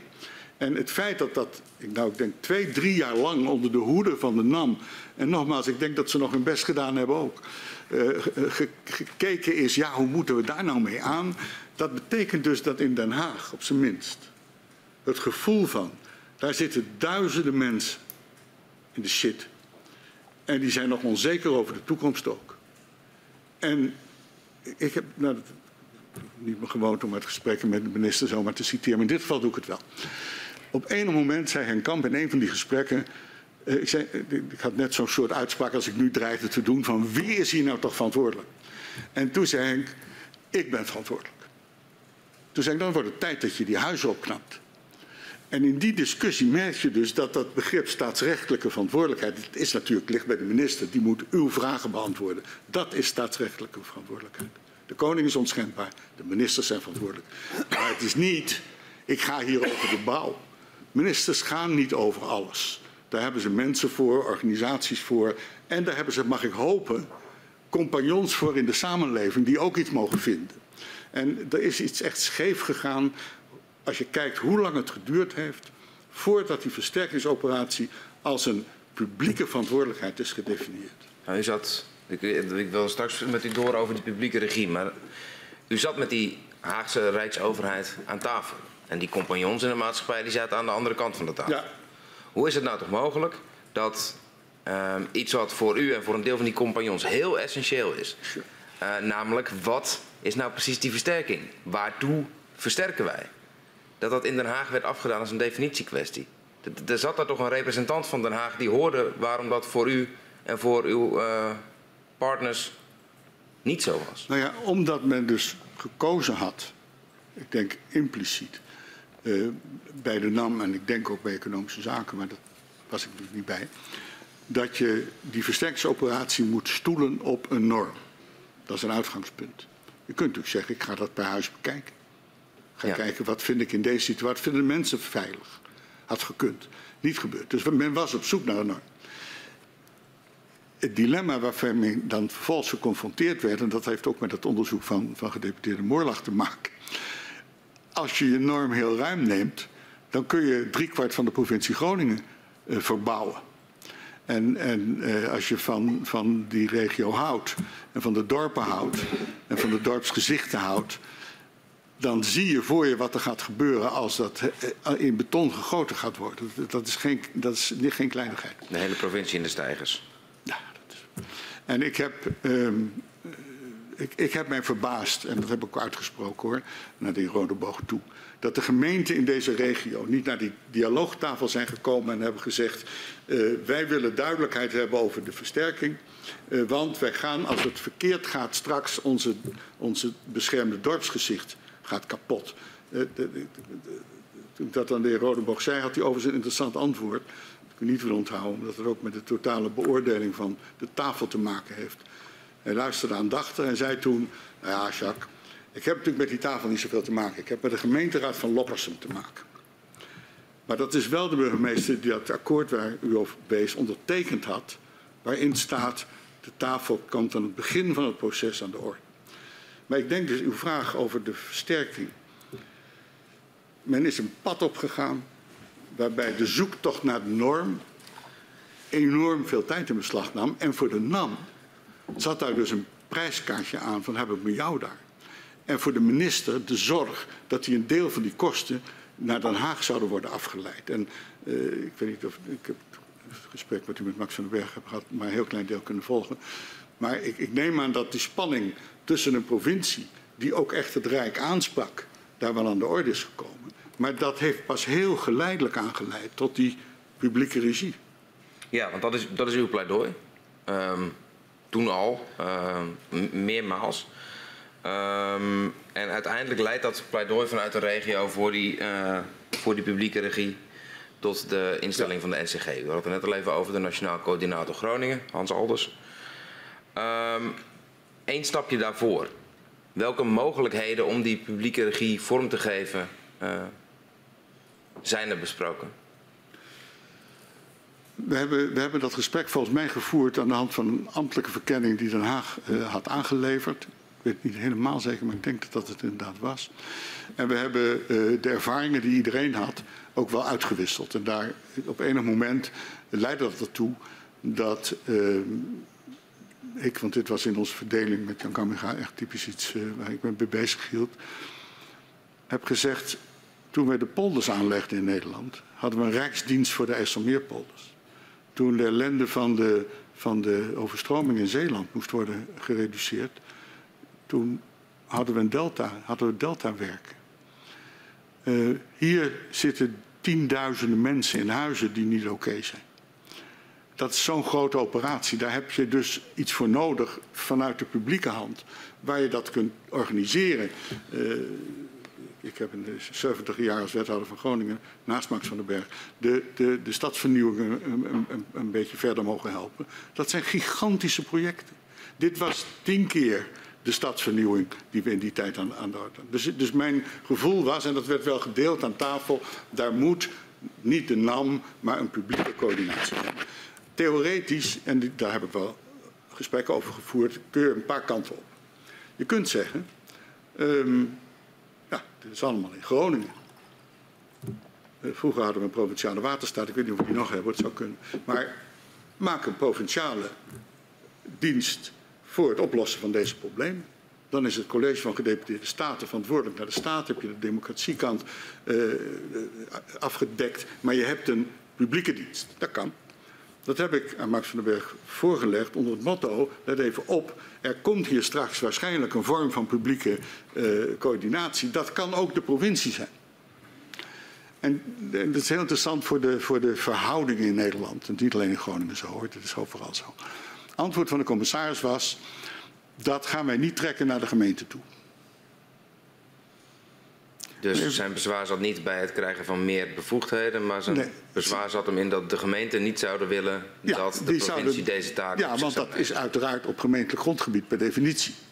Zeker, En daar is de gemeente de baas, zeg ik als oud-gemeentebestuurder. Dus het is ook een inbreuk. Nou, dat is één variant. Eh, dat gebeurde dus niet. De tweede variant was dat ik de Delta-commissaris altijd een heel goed, eh, eh, goed instituut heb gevonden. Dat gaat om heel veel geld, om miljarden. Daar zit een hele infrastructuur van waterschappen achter en andere betrokkenen bij de veiligheid van onze dijken. En daar zat één Delta-commissaris, ik geloof dat hij 15 man had in zijn staf. Dat was alles. En we, eh, William Moorlag en ik zijn op bezoek gegaan bij Wim Kuiken. En hebben gezegd, hoe doe jij dit eigenlijk? En die sprak voor mij gedenkwaardige woorden. Die zei, ja, ik, ik, eh, ik coördineer. Ik wat, wat is dat dan, coördineren? Hij zei, nou ja, ik zeg tegen de mensen, dit is ongeveer het bedrag wat er is. Als jullie nou duidelijk zeggen wat je hebben wil, kan ik kijken of ik dat eh, zo kan cijferen dat dat in Den Haag een beetje landt. En dat doen we zo. En toen dacht ik, dat kennen wij helemaal niet in Groningen. Op al die onderwerpen waar je het nu over hebt, kennen wij niet zo'n soort poging om dat op een rij te brengen. Dus de Delta-commissaris, die is aan tafel besproken. En er was nog een derde variant, en daar heb ik me een beetje misdragen, maar dit is precies de plek waar je kunt biechten, dus dat doe ik, dat doe ik dan ook maar. Ehm, ik, ik had zelf eigenlijk, na alles wat ik had meegemaakt aan die tafel en in de contacten, het gevoel, ehm, als ergens een regeringscommissaris nodig is, dan is dat hier. En ik heb toen inderdaad me een tikje misdragen doordat ik wel over die Delta-commissaris en het verslag van, het, van de bijeenkomst heb gedaan op de persconferentie. Maar ik heb ook deze variant even genoemd. Je zou ook kunnen denken aan een regeringscommissaris. Dat heeft namelijk voor een aantal betrokkenen grote voordelen. In de eerste plaats, die maatschappelijke organisaties zouden onderhandelen, praten, dialoog met één persoon die doorzettingsmacht zou Ja, hebben. precies. Die door. Diezelfde persoon zou toegang tot de Kamer hebben. Vergis u niet, een regeringscommissaris kan gewoon achter de regeringstafel zitten.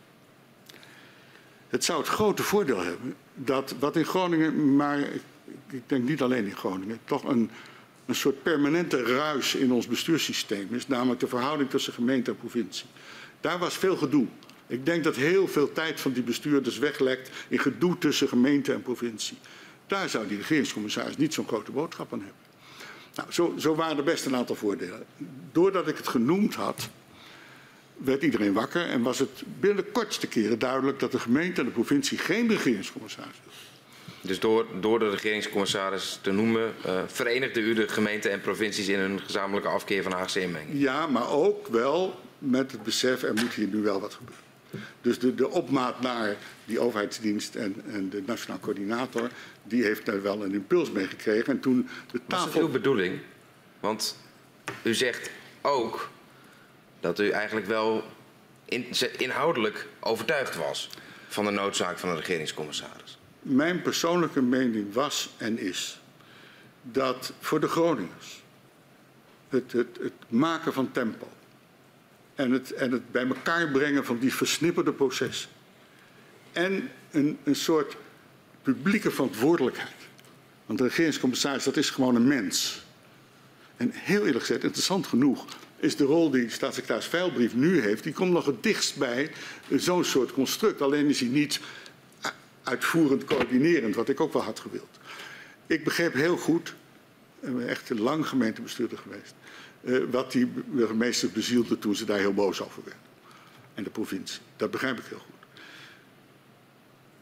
Hier had eigenlijk, en dat werd wel gedeeld wat ik nu ga zeggen eh, aan de tafel, gewoon het adagium moeten zijn. Dit is een nationale crisis. Dat vergt nationale regie. Dit is niet iets van een individuele bewoner in Middelste met een NAM. Dit gaat om een heel gebied. En nou ja, als je nadenkt over wat er in Limburg moest gebeuren toen de mijnen dichtgingen. Of als je nadenkt wat er gebeurt als er een, als een vuurwerkfabriek in de lucht vliegt. Dan treedt de publieke hand op. Goed of niet goed, genoeg of niet genoeg. Maar dan, dan zien de mensen hun openbaar bestuur. En door, door het gedoe wat ik heb geprobeerd te beschrijven, uh, is in die verticale zuil gewoon doorbestuurd. Maar ik, mijn persoonlijke opvatting is, er is geen groter gevaar voor een crisis dan business as usual. Ik had nog één vraag daarover. Um, u beschrijft dat uh, provincie en gemeente elkaar vonden in... Nou, we gaan geen afstand doen van, van, van bevoegdheden uh, ja. die we hebben. Maar ook dat er in de aanloop daar naartoe veel onderling, u noemde het gedoe, geloof ik, uh, ja. was. Ja. Hoe, hoe, hoe, moet ik dat uh, begrijpen? Zat daar, een, zat er een inhoudelijk verschil van opvatting over? Of was dat, was dat kenniszinnen over bevoegdheden of van alles een beetje? Waar zat, waar zat die frictie inhoudelijk tussen gemeente en provincie? Ik denk dat onder de specifieke omstandigheden waar wij nu over spreken... heel erg meespeelde dat die uh, gemeente aan de vooravond van de gemeentelijke herindeling zaten. Die waren, naar het oordeel van heel veel deskundigen, gewoon te klein. En dat was dus, en de provincie had daar een behoorlijke stevige positie in ingenomen. En, en ik denk dus dat dat één factor is. Hè. U bent op zoek naar de factoren. Dit is één. Er is Hoe speelde die, sorry, nog, dan, dan, dat ik het begrijp. Hoe speelde uh, het vooruitzicht van een naderende herindeling mee in de discussie over wie er wat moest doen? Nou ja, de onzekerheid over de bestuurlijke rol. Ja, duidelijk. En, en dat waren natuurlijk relatief kleine gemeenten met kleine apparaten. En die provincie was natuurlijk een grote organisatie met een stevig apparaat. Een gemeente hebben, dat is eigenlijk mijn tweede factor, per definitie uh, zoiets van, van uh, nou ja, uh, ja wat, wat, wat, doet die provincie, wat, wat, is die provincie eigenlijk? Ja. En dat, is, dat zit diep in elke gemeentebestuurder. Ik heb wel eens heel boosaardig gezegd, een provincie is een vorm op zoek naar een inhoud.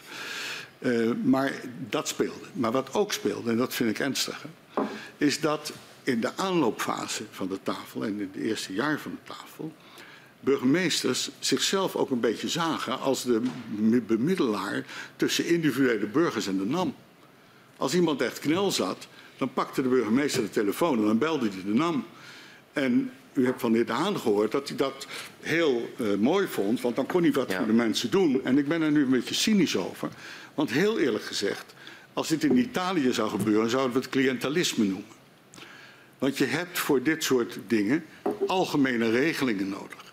Je hebt een rechtspositie voor mensen nodig. Mensen moeten zich kunnen beroepen op algemene regels. En wat hier dus vooraf was gebeurd, was dat de NAM uit de, ik, dat geloof ik ook nog wel, uit, uit een soort uh, uh, poging om te willen helpen, burgemeesters in de positie bracht dat ze een rol moesten vervullen die, vind ik, in het openbaar bestuur bij ja, wettelijk gegrondveste regels moet liggen en niet bij een telefoontje naar de NAM. Zegt u dan dat maatwerk hier de, nou ja, de, de vijand van rechtsgelijkheid is?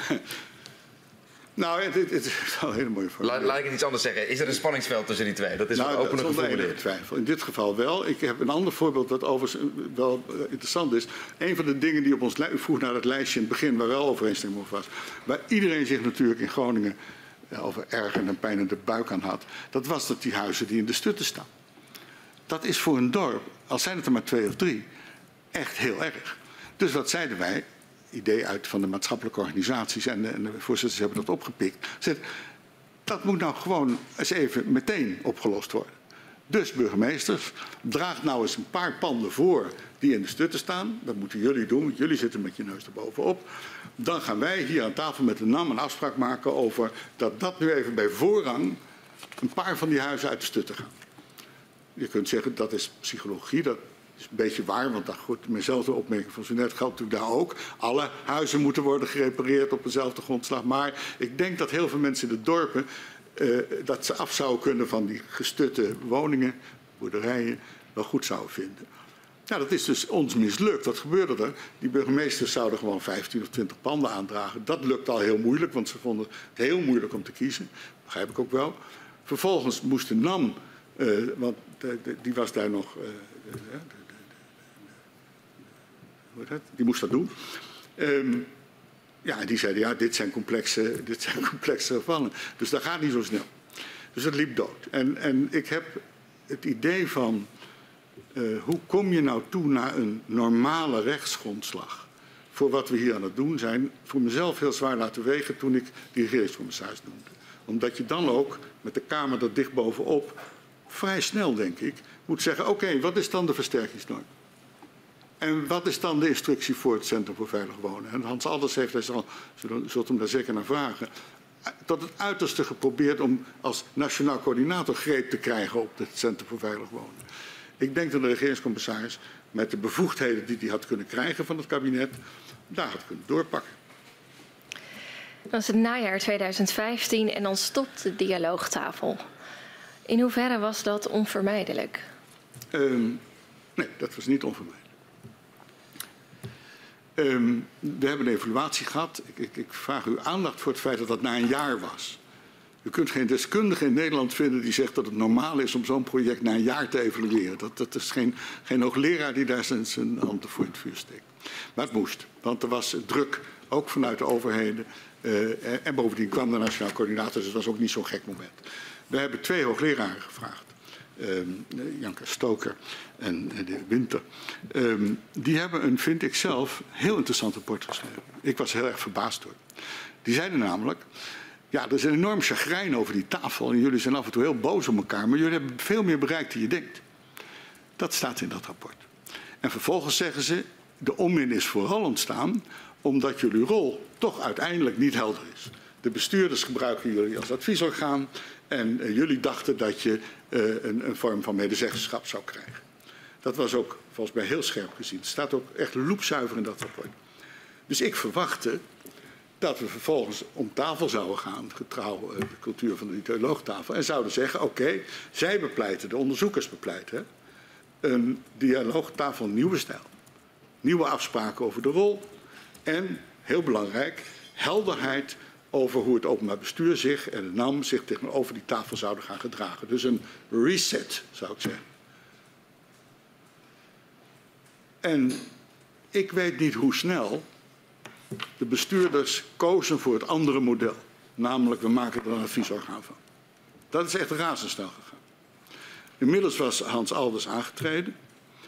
En eh, de bestuurders wilden, eh, want er kwam dus een overheidsdienst Groningen.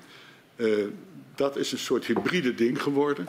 Waar de bestuurders in Groningen ook allemaal iets over te zeggen wilden hebben. Niet alleen de nationaal coördinator, die dat als zijn dienst had kunnen beschouwen. Maar dat, dat was ook zo'n weeffoutje. Maar omdat die nationaal coördinator aan de gang ging en de bestuurders zeiden: wij willen dicht op uw werk zitten. En hij vervolgens zei: u krijgt een stuurgroep, een bestuurlijke stuurgroep. Toen zeiden de bestuurders: nou ja, dan houden we op met de tafel. En Hans Alders zei toen: de tafel is dood, want de bestuurders zijn erbij weggelopen. Dus dat beeld van de tafel is mislukt, heb ik altijd heel onjuist gevonden. Uh, de tafel moest stoppen omdat wezenlijke functies aan die tafel werden onttrokken. Dat is er gebeurd. En aan het begin gaf u aan dat het doel uh, was om de mensen in het gebied betrokkenheid te geven bij de besluitvorming, ja. maar ook een stem.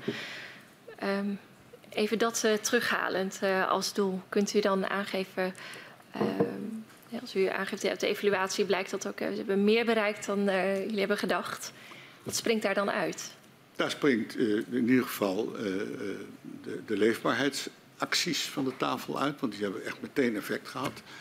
Ik vind dat daar ook de, de, de dingen die afgesproken zijn over het schadeprotocol, dat dat later binnen, de, binnen het Centrum voor Veilig Wonen onvoldoende controleerbaar was, doet niet af aan het feit dat je daar overeenstemming over kon bereiken. Um, ik, ik, vind dat um, de komst, dat is een ironische opmerking die ik nu maak, maar de komst van de nationaal coördinator een bijproduct van de tafel is. Want in de, dat werd dan netjes opgeschreven in het aanvullend bestuursakkoord. Waarover zo dadelijk, als u het goed vindt, nog één appeltje wat ik graag wil schillen. Um, de, de, dat appeltje wilt u nu schillen? Uh, Gooit hem er maar in. Elk moment is geschikt voor een appeltje. Um, dat, dat aanvullen. Kijk, toen het bestuursakkoord werd gesloten, was de tafel er nog niet. Maar toen het aanvullend bestuursakkoord werd gesloten, was de tafel er wel. En ja, ik heb, het, nou, ik het u verteld. Het idee dat je daar dus bijvoorbeeld over de nationaal coördinator en over de versterking. Precies die onderwerpen waar we aan het worstelen waren aan tafel. afspraken maakt waar iedereen bij was, behalve de maatschappelijke organisaties. En ik denk dus dat de conclusie van de, de, de, onderzoekers, die hebben een heel rijtje opgenomen in hun rapport van dingen die we goed gedaan hebben, die succesvol waren. Maar die zeggen daarbij, ja, er moet nu wel gekozen worden. We kunnen niet doorgaan met zeggen dat je, um, dat je die tafel steunt in zijn bedoelingen. Uh, en in de praktijk dat niet doen. Toen, toen uiteindelijk het gaswinningsbesluit werd genomen, nog heel even daar naartoe terug mag. Toen eh, dreigde een ministerraad op, ik dacht dat het 19 juni was. En dat hoorden Jan Kabega en ik. En toen dachten we, nou, het zul je toch werkelijk meemaken. We hebben niet over die 14 onderzoeken gesproken. Nu komt er een besluit van de ministerraad waarvoor de, wat voor de Groningers cruciaal is. Hoeveel aardgas gaan we winnen? En dat moeten ze in de krant lezen, zeg. Dus toen heeft Jan gebeld met de minister en zei, dit kun je echt niet maken. Toen zei de minister, dan kom ik maandag naar Groningen. Dat is gebeurd. En een volle, volle statenzaal, want daar zat ook de commissie Meidam en daar zat, zat eh, de, de, de, de, eh, toezicht staatsmijnen, de, de, volle bak.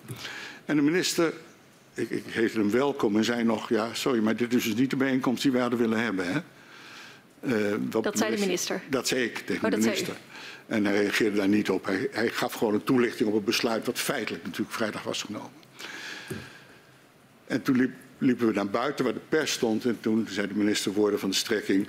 Ik vond het heel fijn dat voordat het besluit wordt genomen ik nog een open overleg met de tafel kon hebben. En eh, toen was dat voor mij het moment waarop ik dacht, ik zal het netjes afhechten, maar, maar dit, dit, hier ga ik dus niet meer door. Heel vaak in die twee jaar uh, waren er momenten waarop ik dacht, hoe kun je nou zo handelen als openbaar bestuur, terwijl je getekend hebt voor een concept waar je twee mannen aan het werk hebt gezet als voorzitters. En in mijn bitterste moment zei ik dan heel vaak, in zijn Oud Testament komt dan te boven water. Het is Jacobs stem, maar het was Ezaus hand. Dat is wat hier gebeurd is.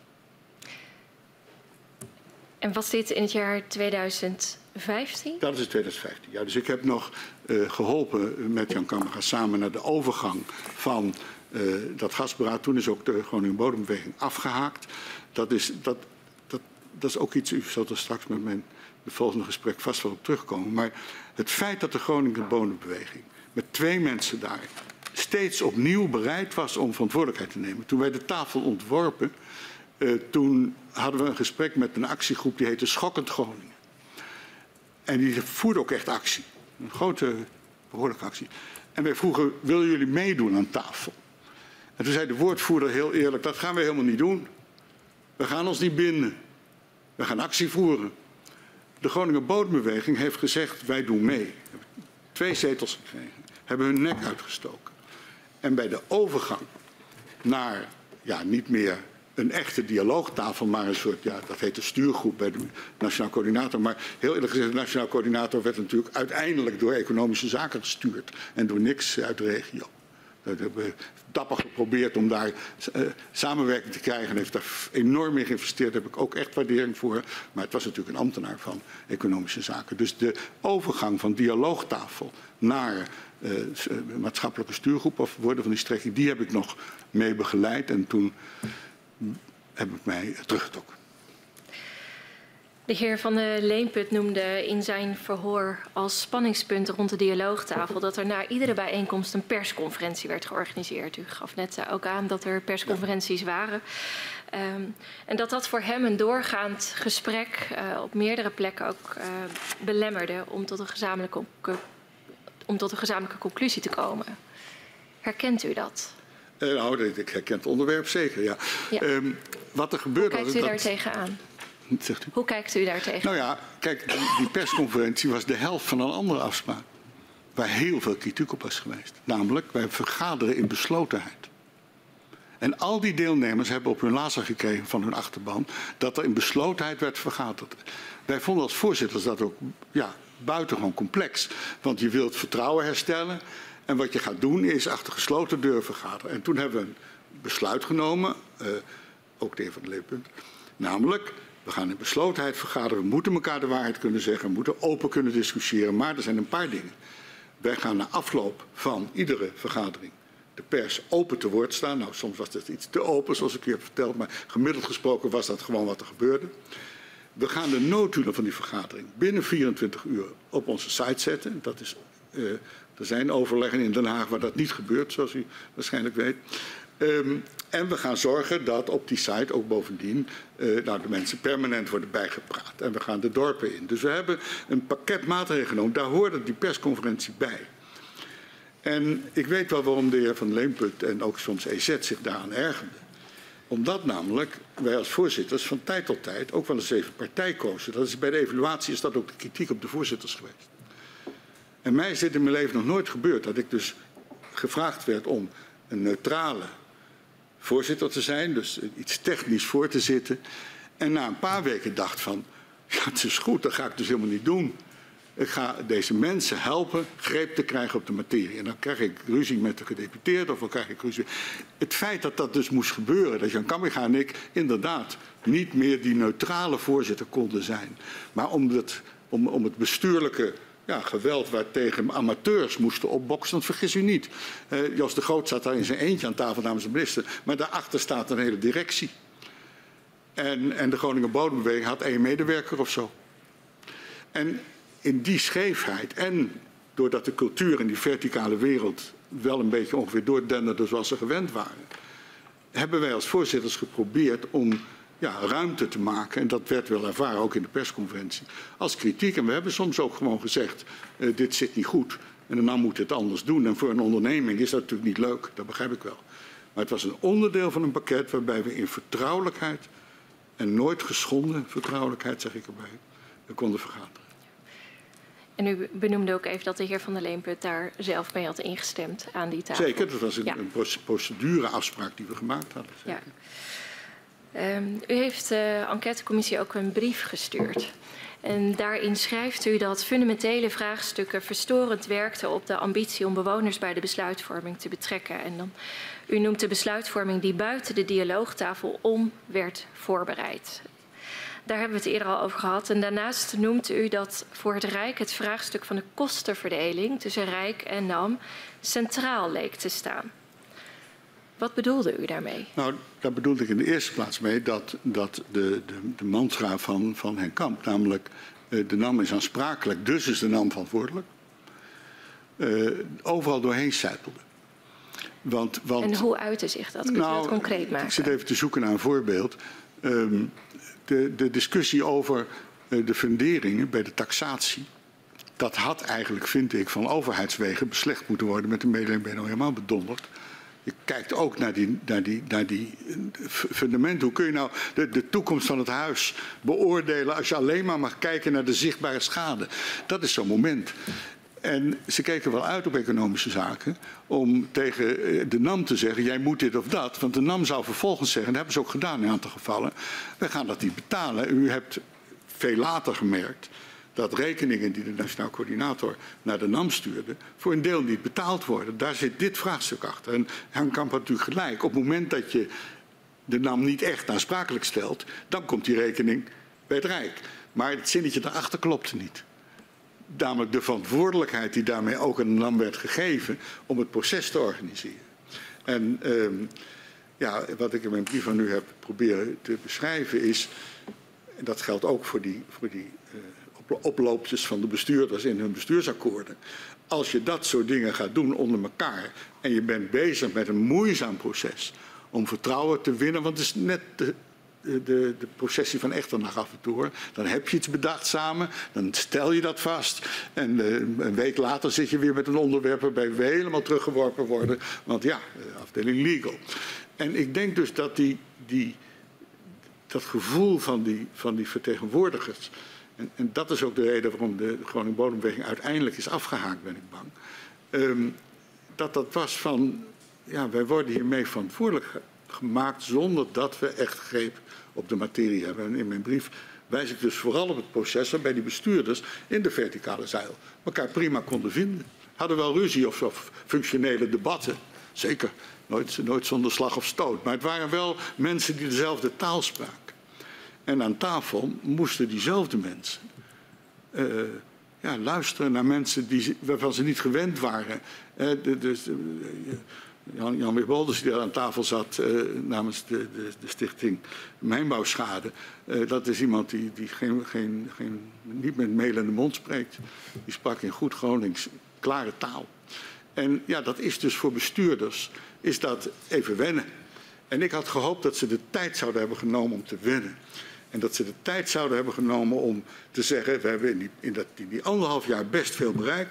Maar nu moeten we in onze eigen winkel op dat provinciehuis, op het gemeentehuis, op dat departement accepteren dat in een, in een, in een gebied met zoveel opeengehoopte ellende, dat daar de mensen zelf tenminste gewoon rechtstreeks aan bod moeten komen. En ja, ik, ik, ik, heb bij de Raad van het Bestuur mijn handtekening gezet onder een reeks van adviezen over uh, de verhouding tussen die verticale en die horizontale wereld. Omdat ik denk dat daar de sleutel ligt voor heel veel spanning die we nu hebben. Voor, maar dat begin. Hm? Als ik het goed begrijp, dan had of voor het slagen van de dialoogtafel het bestuurlijk domein moeten veranderen. Maar werd nou, het omgekeerd besloten? Nou, nee, ik denk dat je als bestuurder moet accepteren dat als je die deur openzet van directe participatie, dat dat een ingewikkeld proces is. Uh, we hebben in Groningen, uh, mevrouw kan zich dat herinneren, een referendum verloren over de noordzijde van de grote markten van de stad ontzettend op ons donder gekregen met 80% of zo. En daarna hebben we een proces georganiseerd aan de oostzijde van de grote markt, waarin het stadhuis niet meer aan het stuur zat waarbij een groep uit de stad een plan maakte. En dat staat er nu. En ik denk dat die keuze om, om ja, we moesten dus wel even, op, ook wij hè, een tik op onze vingers hebben. Dus het gaat allemaal niet vanzelf. Dat, ik, ik, ik neem bestuurders ook niks persoonlijk kwalijk. Maar op het moment dat je je handtekening zet onder mede-eigenaarschap en het het advies van de commissie Meijer accepteert, want dat is gebeurd, in hoofdlijnen moest dat worden uitgevoerd. Nou, de hoofdlijn was, je krijgt dit gebied nooit weer in een normale verhouding met het bestuur als je niet zorgt dat je anders bestuurt. En ja, dat was, nou ja, laat ik het genuanceerd zeggen, een hele zware opgave. Hoe kijkt u terug op het uh, bestuur vanuit het ministerie van Economische Zaken tijdens uh, uw betrokkenheid bij de dialoogtafel?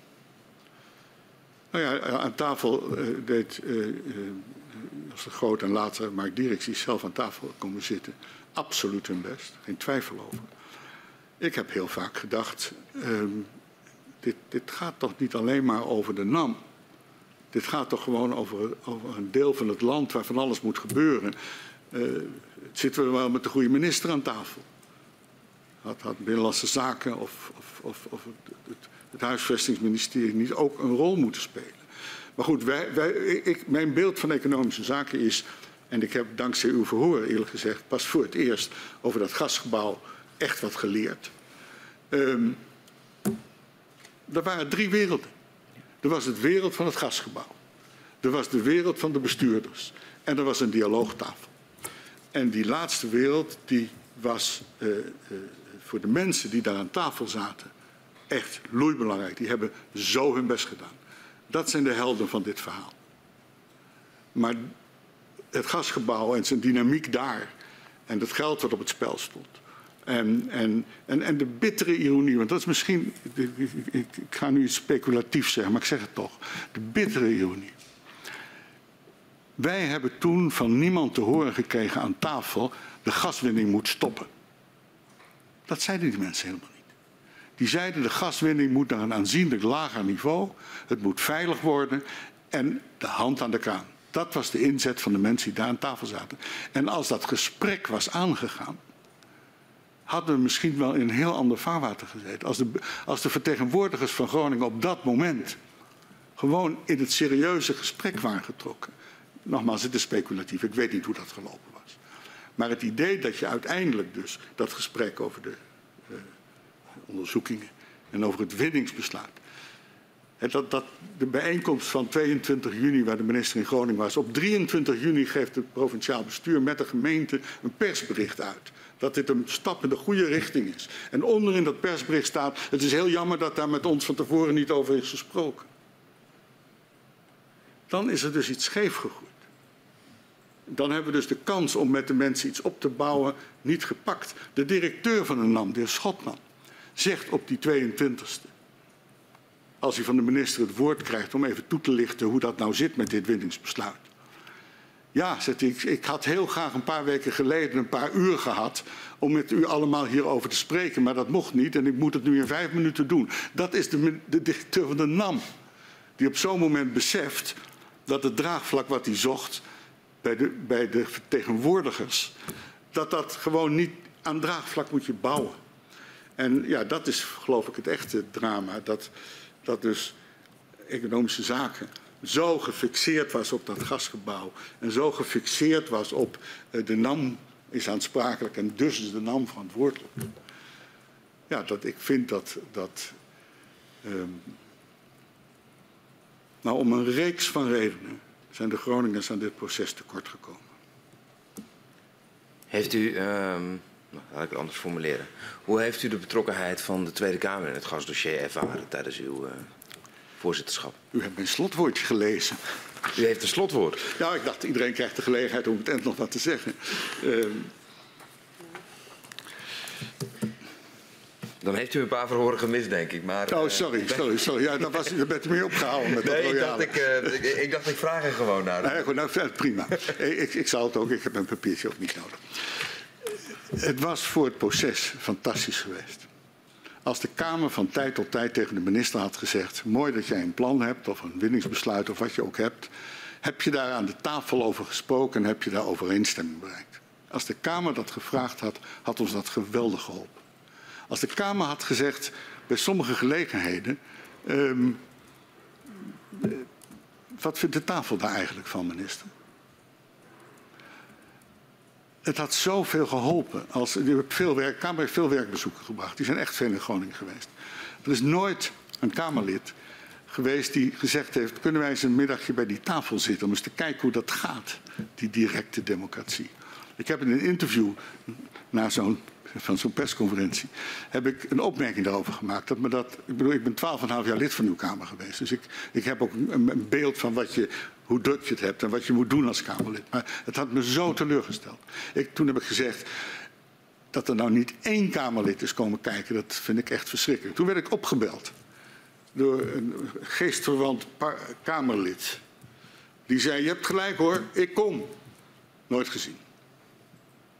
En, en ik denk dus dat de vraag van als je probeert participatie te organiseren, wat is dan de rol van de vertegenwoordigende democratie? Daar gaat dit over. Ja, dan hoort de rol te zijn op zijn minst een, soort van belangstelling. Loopt dat dan wel bij jullie? Toen ik daarna de Noordzee-overleg ben gaan voorzitten en een Noordzee-akkoord tot stand heb gebracht, toen werd ik regelmatig gebeld door Kamerleden die zeiden, hoe gaat dat? Ja, als je iets wil weten moet je bij de minister zijn, zei ik dan altijd. Mijn rol niet. Maar de belangstelling uit de Kamer voor dat Noordzeeakkoord, uh, die hebben, toen dat er was, meteen een hoorzitting georganiseerd. Dus het kan wel. Maar op de een of andere rare manier is de focus van de Kamer uh, op de ellende van de Groningers geweest, zonder twijfel. Uh, werkbezoeken en hoe het ervoor stond. Maar dat er een bestuurlijk nou ja, experiment, ik, vind, ja, ik vond het echt een experiment, ik vond het een keuze, een bestuurlijke keuze was gemaakt die, die, die grote consequenties had kunnen hebben en ook wel heeft gehad. Ja, daar moet je als Kamer toch wel op zijn minst uh, even komen kijken. Dat is het minste. Dat had ik tegen u willen zeggen tot slot, maar dat, dank voor uw vraag. Op deze manier komen we er wel uit. Even kijken of mevrouw Kat nog een uh, enkele vraag had. Ja, dank u wel. Uh, u sprak eerder over een zwijgplicht voor de CVW'ers, Centrum voor Veilig Wonen, medewerkers. Um, en dat de heer Kamiga dit had met u gedeeld. Ja. Um, kreeg u um, zelf signalen um, dat, dat, dat het zo was? Nee, in onze werkverdeling hield Jan zich bezig met bouwen, zal ik maar zeggen. En alles wat aan vast zat, dat was dus een stevig portefeuille. En ik met de welzijnskant en de bestuurlijke kant. Nee, hij heeft dat een keer gemeld. Van ik, wat ik nou toch heb meegemaakt. Iemand zegt tegen mij, ja, wij mogen niet praten over de spelregels die de NAM aan ons heeft opgelegd. Dus zij moesten beoordelingen geven. Mensen ook zeggen, sorry, we gaan het niet doen of we gaan het maar half doen.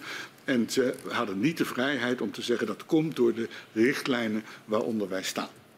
En dat nee, ik heb daar zelf geen, geen kennis van. Oké, okay, dank u wel. Uh, dan wil ik u nog een aantal vragen stellen om even terug te blikken op, uh, op die tijd uh, van de dialoogtafel. Zo her en der is dat ook al een beetje gaandeweg het verhoor gebeurd. Um, U gaf aan als de, als de Kamer het ernaar had gevraagd, zo zei u dat uh, net, dan had ons dat geholpen. Ja. Um, wat had u uh, um, samen met de heer Kaminga als voorzitters daarin zelf anders kunnen doen? Ik, ik, ik, verwacht dat u die vraag zou stellen. Dus ik, ik u heeft zich daarop voorbereid? Nou, nee, ja, maar ik heb aan mijn collega Jan Kamminga gevraagd wat hij zou antwoorden als hij hier had gezeten. En dat was het antwoord wat ik op een papiertje had staan toen ik met hem belde. Dat antwoord was, wij zijn te fatsoenlijk geweest. Wij waren toch aan het eind iets te veel nette bestuurders.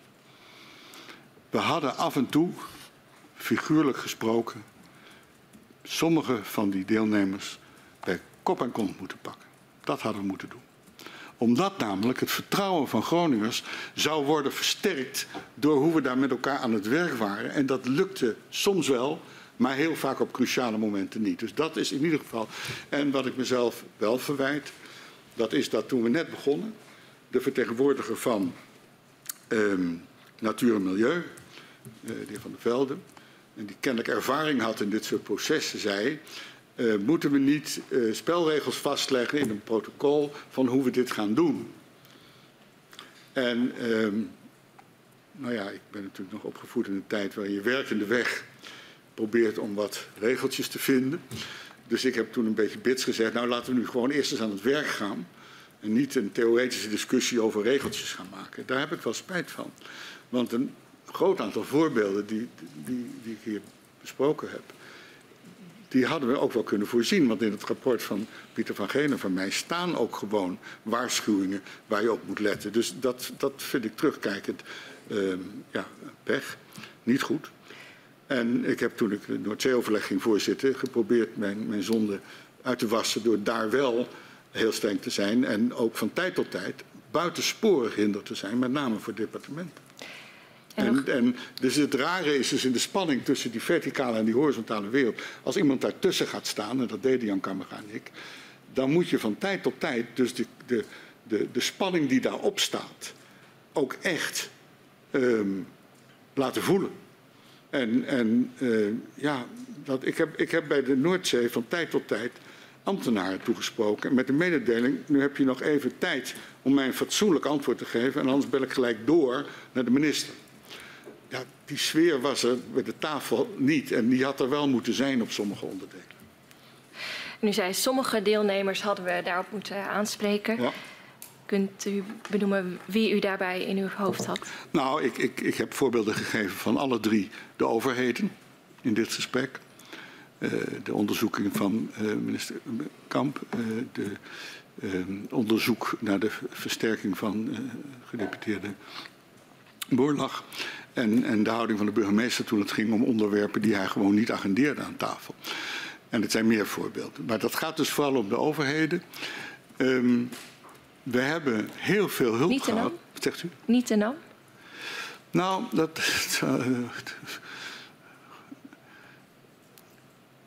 ik denk dat ik de klem waarin de NAM zat beter begreep dan de klem waarin de overheden zat.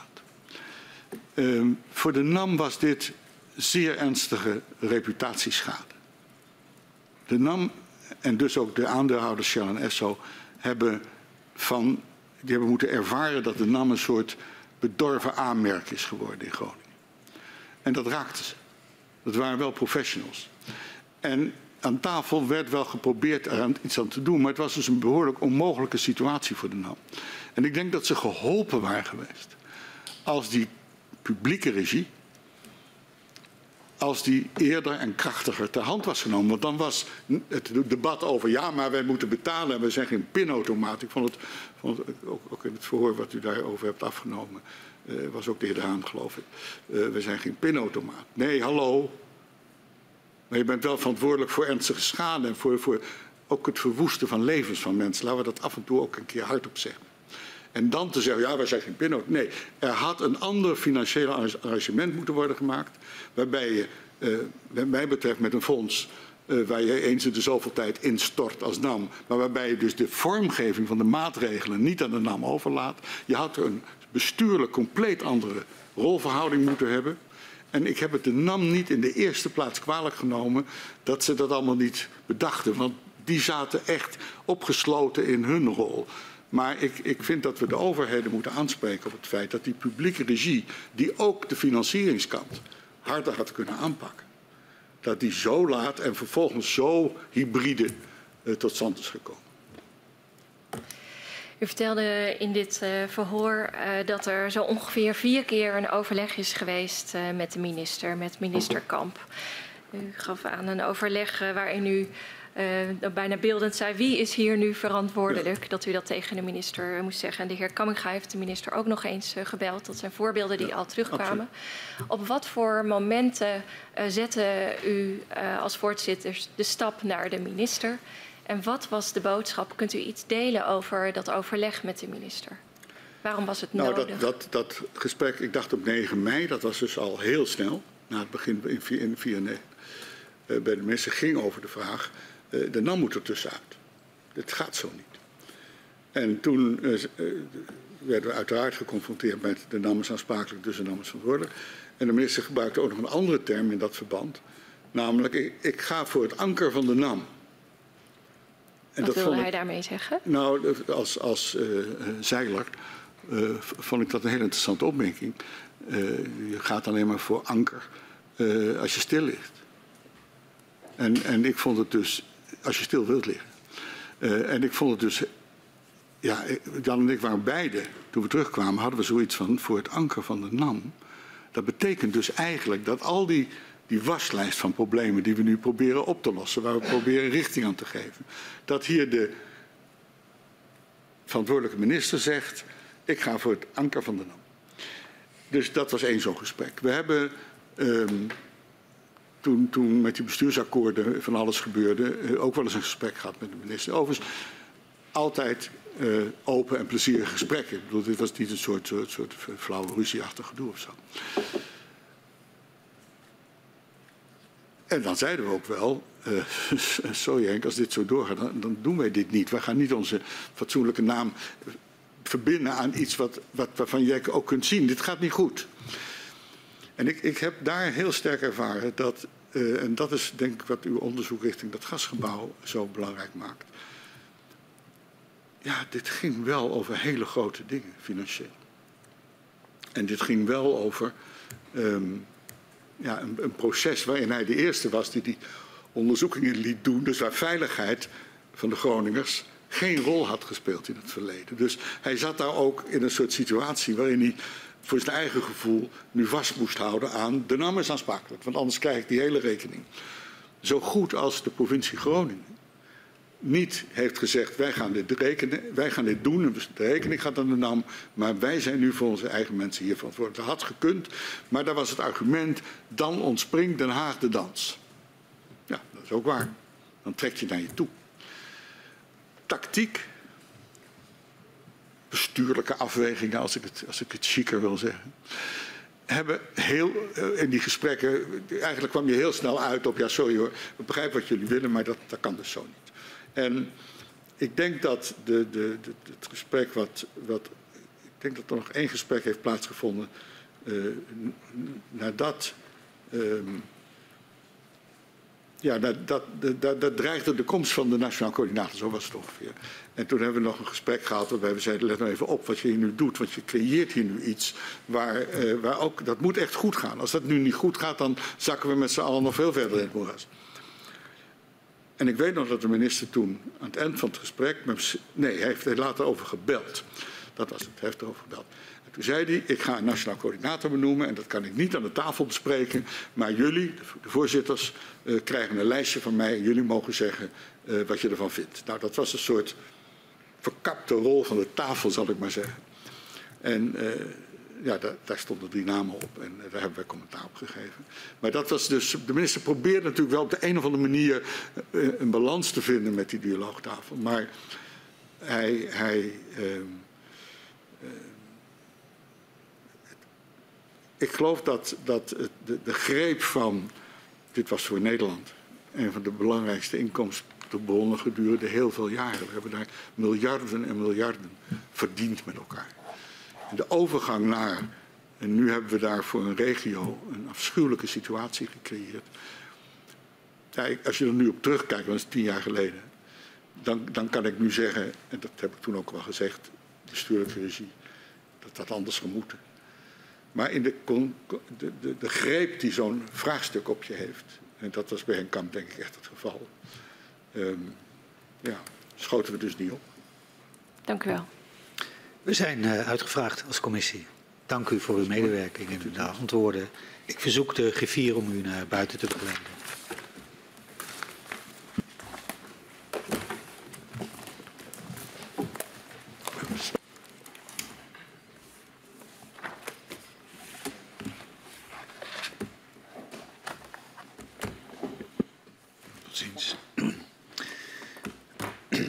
Derde en laatste verhoor vandaag zal om half vier aanvangen met de heer Van der Knoop, eh, die eh, lang voorzitter is geweest van de Groningen Bodembeweging. Ik eh, sluit de vergadering.